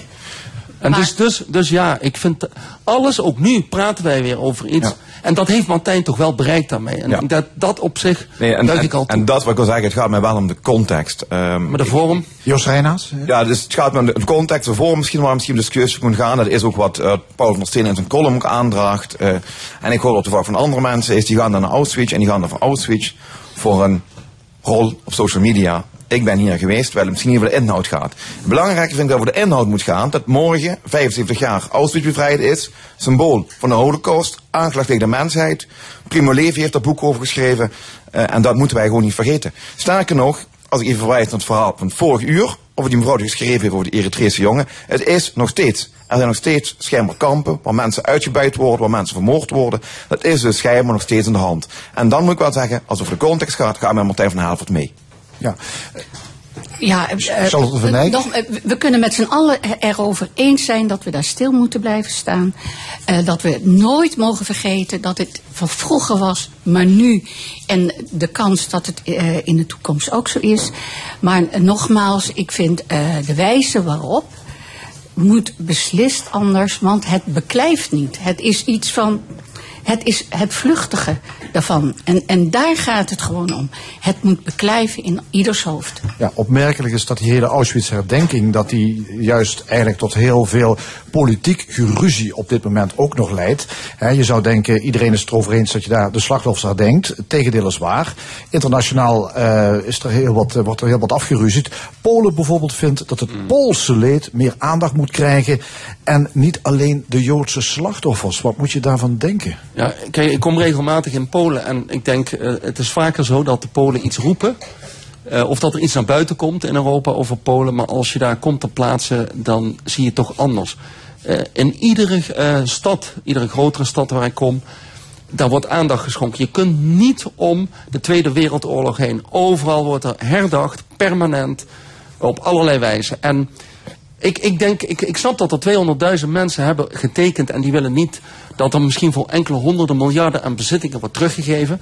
Maar laten we niet vergeten dat er toch van al die miljoenen Joden die zijn vergast, eh, vier grote concentratiekampen in Polen waren, eh, waaronder Auschwitz, en dat er eh, drie miljoen Polen alleen al zijn vergast. Iedere stad waar je komt, er zijn steden bij met bijna 100.000 mensen eh, die vergast zijn. Eh, dus eh, die 200.000 mensen die zo'n manifest tekenen, zeg maar niet alles over die 40 miljoen Polen die daar wonen En eh, wiens ouders vaak juist alles eraan hebben gedaan om de Polen te helpen. Ik vind dat de discussie zoals die gevoerd wordt, is niet goed. Maar dat is wel zoals het gaat in Polen. Dat heeft gewoon te maken met uh, de opportunistische manier ook van deze regering. Uh, waarop men met het klimaatakkoord en andere zaken omgaat. Dat doet men vooral voor de eigen achterban. Uh, maar ik denk ook dat we ons af moeten vragen als er zo'n Amerika-wet is. En Polen is het enige land wat dan geen invulling aan geeft, wettelijk, in het eigen land dat we misschien ook met z'n allen met Polen moeten meedenken hoe dat dan het beste vorm kan worden gegeven. Ja, maar is het niet bizar dat het een, lijkt, dat het een soort wedstrijd lijkt te worden om wie heeft nou het meest geleden hier in Ja. Auschwitz en, ik- in die Tweede en dat, Wereldoorlog? en dat vond ik namelijk ook deze week. ehm, eh, want jij gaat heel ver. Je trekt er de hele geopolitiek tot 2019, 2020 erbij. Ik wil even naar de kern terugbrengen. Als ik dan hoor dat dan eh, deze week in Jeruzalem bij dat forum een discussie was. eh of Rusland of Polen eerst mocht praten. Dat dan Rusland zegt. Ja, maar door, Polen is het eigenlijk schuld dat wij dus eh, mee moesten doen in de Tweede Wereldoorlog. Hè? Rusland is zelf even Polen binnengevallen in 1939. Ehm, dan vind ik dat dus heel erg onkies. Heel erg onkies over de ruggen heen van heel veel miljoenen en miljoenen slachtoffers. Misschien met een Poolse achtergrond, Russische achtergrond, Nederlandse achtergrond. Dan is dat dus heel smakeloos. En dan moeten we even terug naar de basis. Dat er dus een mensheid, dat er een misdaad die de mensheid begaan is in Auschwitz. Daar moet het over gaan en niet over de rest. Nou, dat vind ik dus heel mooi gezegd. Want je zegt er is een misdaad begaan tegen de mensheid. En of het eh, zoveel eh, Polen zijn, eh, wat dan ook, wat voor achtergrond, misdaad tegen de mensheid. En daar moeten wij aandacht aan geven. En het is goed dat jij zegt van. het was in Polen en of er nou zoveel mensen zijn. Datgene wat bij jou om de hoek is gebeurd, dat heeft zo'n impact door de generaties heen. Dat vergeet je gewoon niet. Ja. Goed, we gaan naar een ander onderwerp. D66 komt deze week met een manifest waarin gepleit wordt voor legalisering van harddrugs. Want, zegt de partij, de war on drugs is verloren en daarom moeten we overstappen op regulering en voorlichting. Een nieuwe manier van denken is nodig. Charlotte van Dijk, wat vind je ervan? Ja, eh, als je kijkt waarom ehm, ehm, de, het wie- wiet-experiment is opgezet, om, eh, eh, de, eh, om regulering en niet om vrijgeving. En je ziet wat er gebeurt met andere drugs. En eh, daar hebben wij gewoon geen hand meer op. Het, spuit alle gaten op, eh, alle kanten op. Dan denk ik, je moet iets. Je moet gewoon iets. En als je kijkt naar, je kan dingen totaal verbieden. En dan heb je er helemaal geen vat op. En op het moment dat je reguleert, kan je, heb je enige eh, idee dat je kan stroomlijnen. Je moet iets. Erik Koppen. Ja, je moet iets, maar je moet het niet alleen. Kijk, wij leven niet op een eiland. We zien eh, een jaar na de invoering en legalisering van softdrugs in Canada... dat er een, aantal plussen in zit, maar er zit ook een groot aantal minnen in. Constant, ik ben nu al in Canada in het hele systeem wat men bedacht heeft. Dus ik denk, we moeten vooral goed kijken naar die landen... die op dit moment voorop willen lopen, maar we moeten er nog voor waken... dat eh, eh, Limburg en Brabant zijn de, de, de eh, drugsprovincies nummer 1 en 2, of 2 en 1 moet ik zeggen, van Nederland. Wij moeten ervoor waken dat wij een weg inslaan die door alle anderen om ons heen niet gevolgd wordt. Wij, hebben, kunnen, wij, wij liggen niet vrij van alle anderen, we zijn geen eiland op zich. Eh, dus ik, ik, ik, nogmaals, ik, ben er niet tegen legalisering van softdrugs, maar dan wel op Europese schaal. De vraag is trouwens, wat moeten we verstaan onder legaliseren? Ik bedoel, is straks cocaïne in de supermarkt te koop? Nou ja, ik weet niet. Ik, ik vond dat het een beetje het zwak aan de manifest. Ik heb het manifest nagelezen. Het is vrij ruim. Dat was misschien een manifest. Want ik ben er wel van mening dat het zoals nu is. En ik ga het even zwart heel hard uitstellen. Als je snuift, heb je bloed aan je neus. En als je een pilletje slikt, dan werk je dus mee in een zwaar crimineel systeem in onze provincies. Met afvaldumping en dat. Dus we moeten daar iets aan doen. Dus daar ben ik echt van overtuigd. Alleen vind ik het zelf wel moeilijk wat we tegen moeten doen. Is enerzijds denk ik, misschien moeten we onderzoeken wat regulering doet of een stad doet. Cocaïne in de supermarkt vind ik vrij ver gaan. Maar laten we ook zeggen, het verleden, weet je van één ding. Ooit kunnen we ook naar de Verenigde Staten kijken, de grote drooglegging krijgen, het bestrijden. Uiteindelijk trekken wij denk ik aan een kort zijn. Ja, D66 wil ook een, een, een staatscommissie in het leven roepen, hè, die voorstellen gaat doen. Maar goed, de hamvraag is, is het tijd voor een nieuwe koers? Is het huidige beleid van repressie, is dat failliet? Zonder meer, als je ziet hoe, nogmaals, hoe het alle kanten uitschiet en hoe het eh, criminaliseert. eh, en eh, ik zie dat vingertje. Ja, ja. Sorry. Hoe het criminaliseert en het alleen nog maar erger wordt, dan denk ik, je moet, we moeten een nieuw beleid uitzetten. We moeten kijken, inderdaad, onderzoeken, en dat zegt het manifest ook. Dat komt niet met een pasklaar antwoord. Eh, Dat zegt heel duidelijk, we moeten gaan kijken welke mogelijkheden zijn er. En bovenal, welke samenwerkingsverbanden zijn er. Dus als je die drugsmarkt kunt reguleren, liefst in internationaal verband, Uiteraard. dan haal je de criminelen de wind uit de zeilen. Nou, ik, ik vind Erik Koppen, even- Ja, ja, nee, eens, maar ik, ik vind dan moet dat manifest op, op Europees niveau worden ingebracht in Brussel. En niet op nationaal niveau, want daar ben ik op tegen. Ik geloof namelijk niet dat wij als land voldoende eh, kracht kunnen ontwikkelen met andere landen in samenwerking om dat voor elkaar te krijgen. Dat moeten we er echt vanuit Brussel. Nou ja, de gouverneur zei het al, hè. Eh, we moeten niets anders doen dan coalities spelen. Ja, maar eh, ik wil toch, ja, want jij zei over criminaliseren, ik wil dit eh, over normaliseren hebben. Het valt namelijk mij op, en dat is namelijk het grotere gevaar van hetgeen wat gebeurd is, dat drugsgebruik steeds meer genormaliseerd wordt. Eh yoga snuif wordt het woord van het jaar. Ik hoor ook in mijn omveld mensen aan het zeggen, ja dan gaan we naar een feestje en nemen we een pilletje. En dat zijn niet meer de outlaws waarvan dat vroeger van dachten misschien, Nou ja, zijn gewoon... Mensen hebben gewoon behoefte aan drugs. Dat is, dat is dat altijd misschien- zo geweest. Ja, dat zal altijd zo. zo. blijven. Ja, maar het is vertrekkend schijnbaar normaal om in het weekend een snuif te nemen, een pilletje te nemen. Het Amsterdamse rioolwater, eh, daar worden kilo's restanten jo- cocaïne per dag in gevonden. Het is dus schijnbaar volstrekt normaal om te gebruiken. En dat is ook een hamvraag die we moeten voeren. Daar, daar moet je kijken van wat gebeurt daar nu, hoe komt dat nu en moeten we daar dan iets mee? Nou ja, goed, moeten we daar iets mee? Daar moeten we iets mee. Ja, absoluut. Een eh, groot aantal onderwijsorganisaties kwam deze week met een nieuw plan. Dat ook wel weer erg veel herinneringen aan het verleden oproept. Leerlingen die zouden voortaan tot hun zestiende hetzelfde onderwijs moeten krijgen. Het oude idee van de middenschool die er nooit gekomen is. En het gaat natuurlijk over kansengelijkheid. Nou ja, dus, dus de hamvraag. Zal de kansengelijkheid toenemen als leerlingen langer op hetzelfde niveau les krijgen? Ja, ik, ben, Koppen. ik, ik ben eigenlijk een soort ervaringsdeskundige. Ik heb, eh, ik heb een aantal jaren in het Belgisch systeem gezeten op school.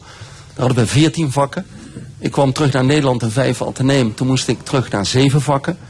Toen had ik ook zeven uur bijles in de week nodig om op het goede niveau te komen.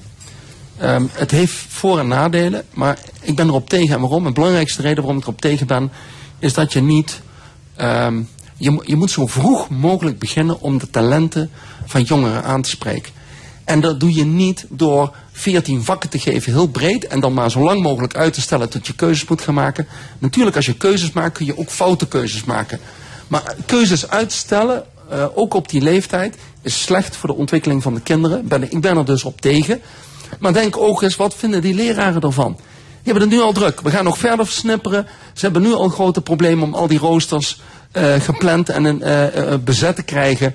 Eh, dat wordt, gaat dus nog moeilijker worden. Dus in een, in, een, in een tijd waarop het aantal leraren, het lerarentekort toeneemt, gaan we ook nog eens het onderwijs verder belasten. Joost Reinaars? Ja, ik merk dat meneer Kop het stuk terecht niet gelezen heeft. Ik heb het erbij gepakt, want ik ben namelijk ook ervaringsdeskundige. Ik heb namelijk een aantal jaren op het onderwijs gezeten. Misschien meer mensen hier die ervaringsdeskundigen zijn. Ik heb ook in mijn leven alles een Op beetje... een middenschool. Maar op mijn school. Ik heb onderwijs gehad. Ik weet niet of meer mensen onderwijs gehad hebben, maar ik ben ervaringsdeskundige. Ik ben een beetje liefhebber geworden van onderwijs daardoor. Ik heb ook kunnen stapelen van de MAVO en de HAVO. Ik ben schoolmeester geworden en daarna heb ik zelfs onderwijskundig pedagoog geworden. Dus dit onderzoek heb ik met interesse gelezen. Het discussiestuk, dat het is, is een heel breed discussiestuk wat zeker ook onderkent jouw eh, eh, angsten van het is al zo druk, we hebben zo weinig leraren, ehm, dus er komt er misschien nog bij. Dit wordt er zeker in onderkend. De angst die jij ook had, die jij stelde, is van goh, eh, wordt niet eigenlijk te veel one size fits all. Die angst zou ik met jou kunnen delen, want die heb ik namelijk hierin. Daarin wordt in het rapport zelf van gezegd, dan moeten we in differentiëren.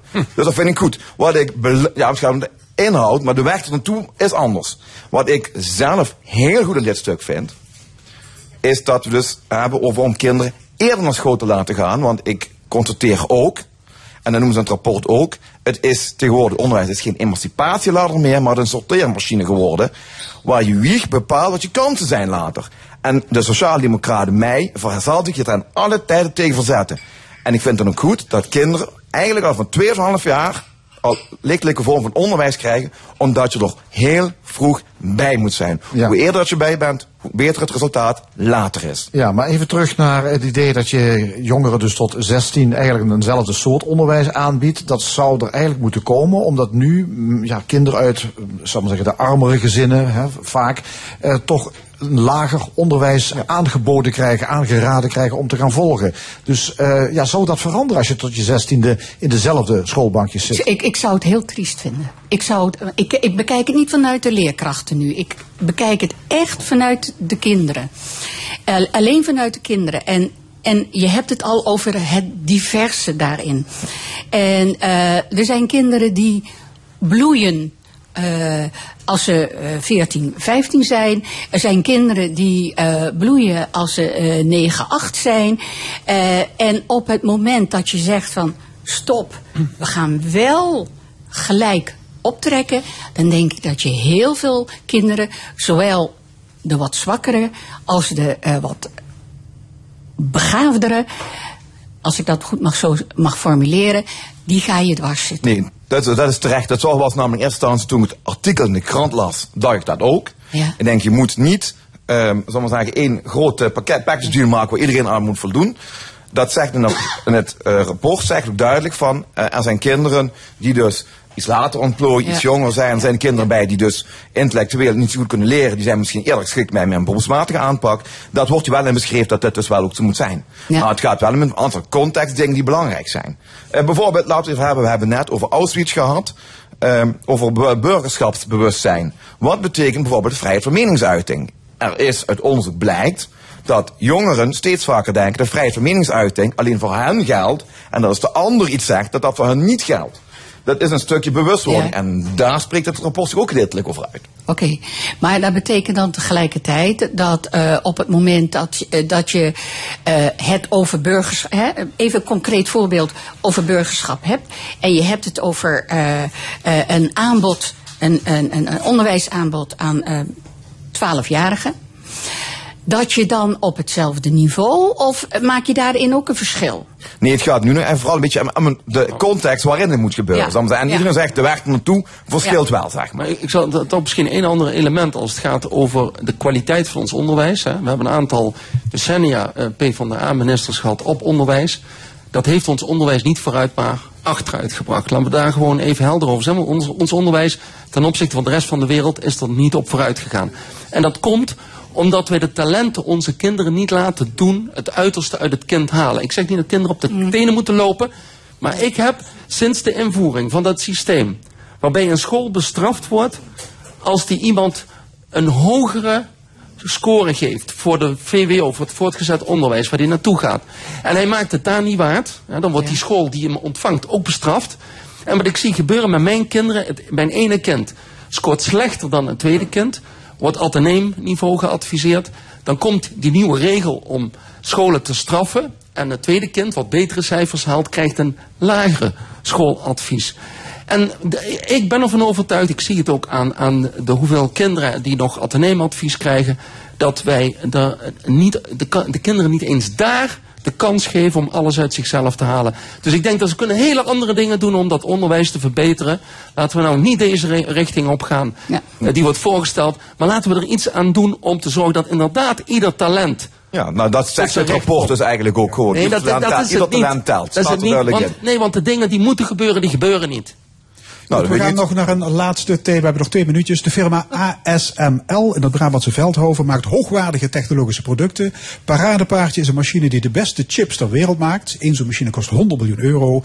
China wil ze graag kopen, maar het kabinet is in dubio over het afgeven van een vergunning. Want Amerika is fel tegen. Erik Koppen, wat moet het kabinet doen? Gewoon eh, die exportvergunning verlenen. Waarom?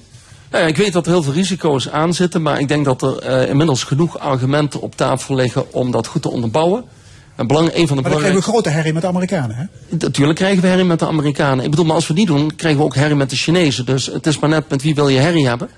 Kijk, als die Amerikanen zeggen, ik koop die machines van ASML, want ik wil niet dat ze naar China gaan, dan kan me daar nog iets bij voorstellen. Maar dat heb ik niet op tafel. Joost Reinaerts. Ja, nou, ik uh, trek de argumenten van meneer Koppen. Uh, het toont ook en eigenlijk aan het belang aan om samen te werken. Want als klein land in Nederland wordt nu vermorzeld tussen hamer en aanbeeld. Dit moet Europa doen en het is tevens het failliet van al die partijen die zeggen...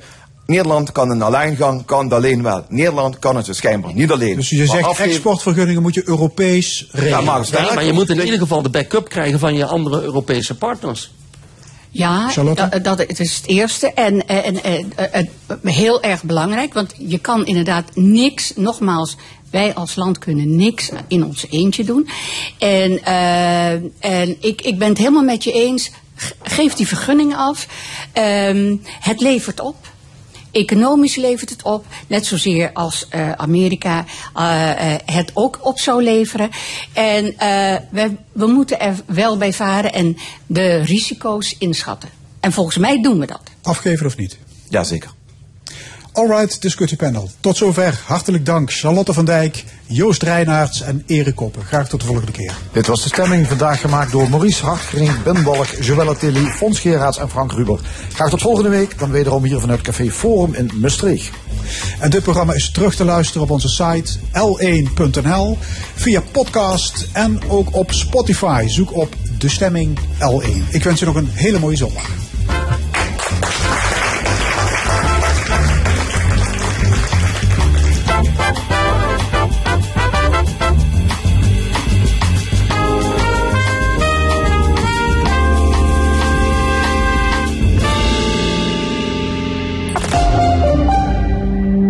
Op 8 en 9 februari is Düsseldorf on fire.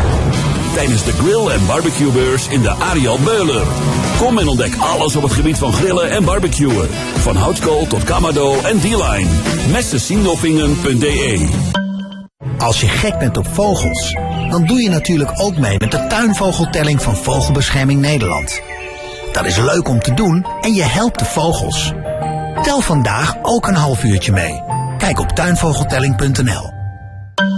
Bezoek de grill- en barbecuebeurs in Düsseldorf. Check messensindelfingen.de Hier volgt een bericht voor alle vakmensen die altijd maar onderweg zijn. Toyota heeft iets nieuws.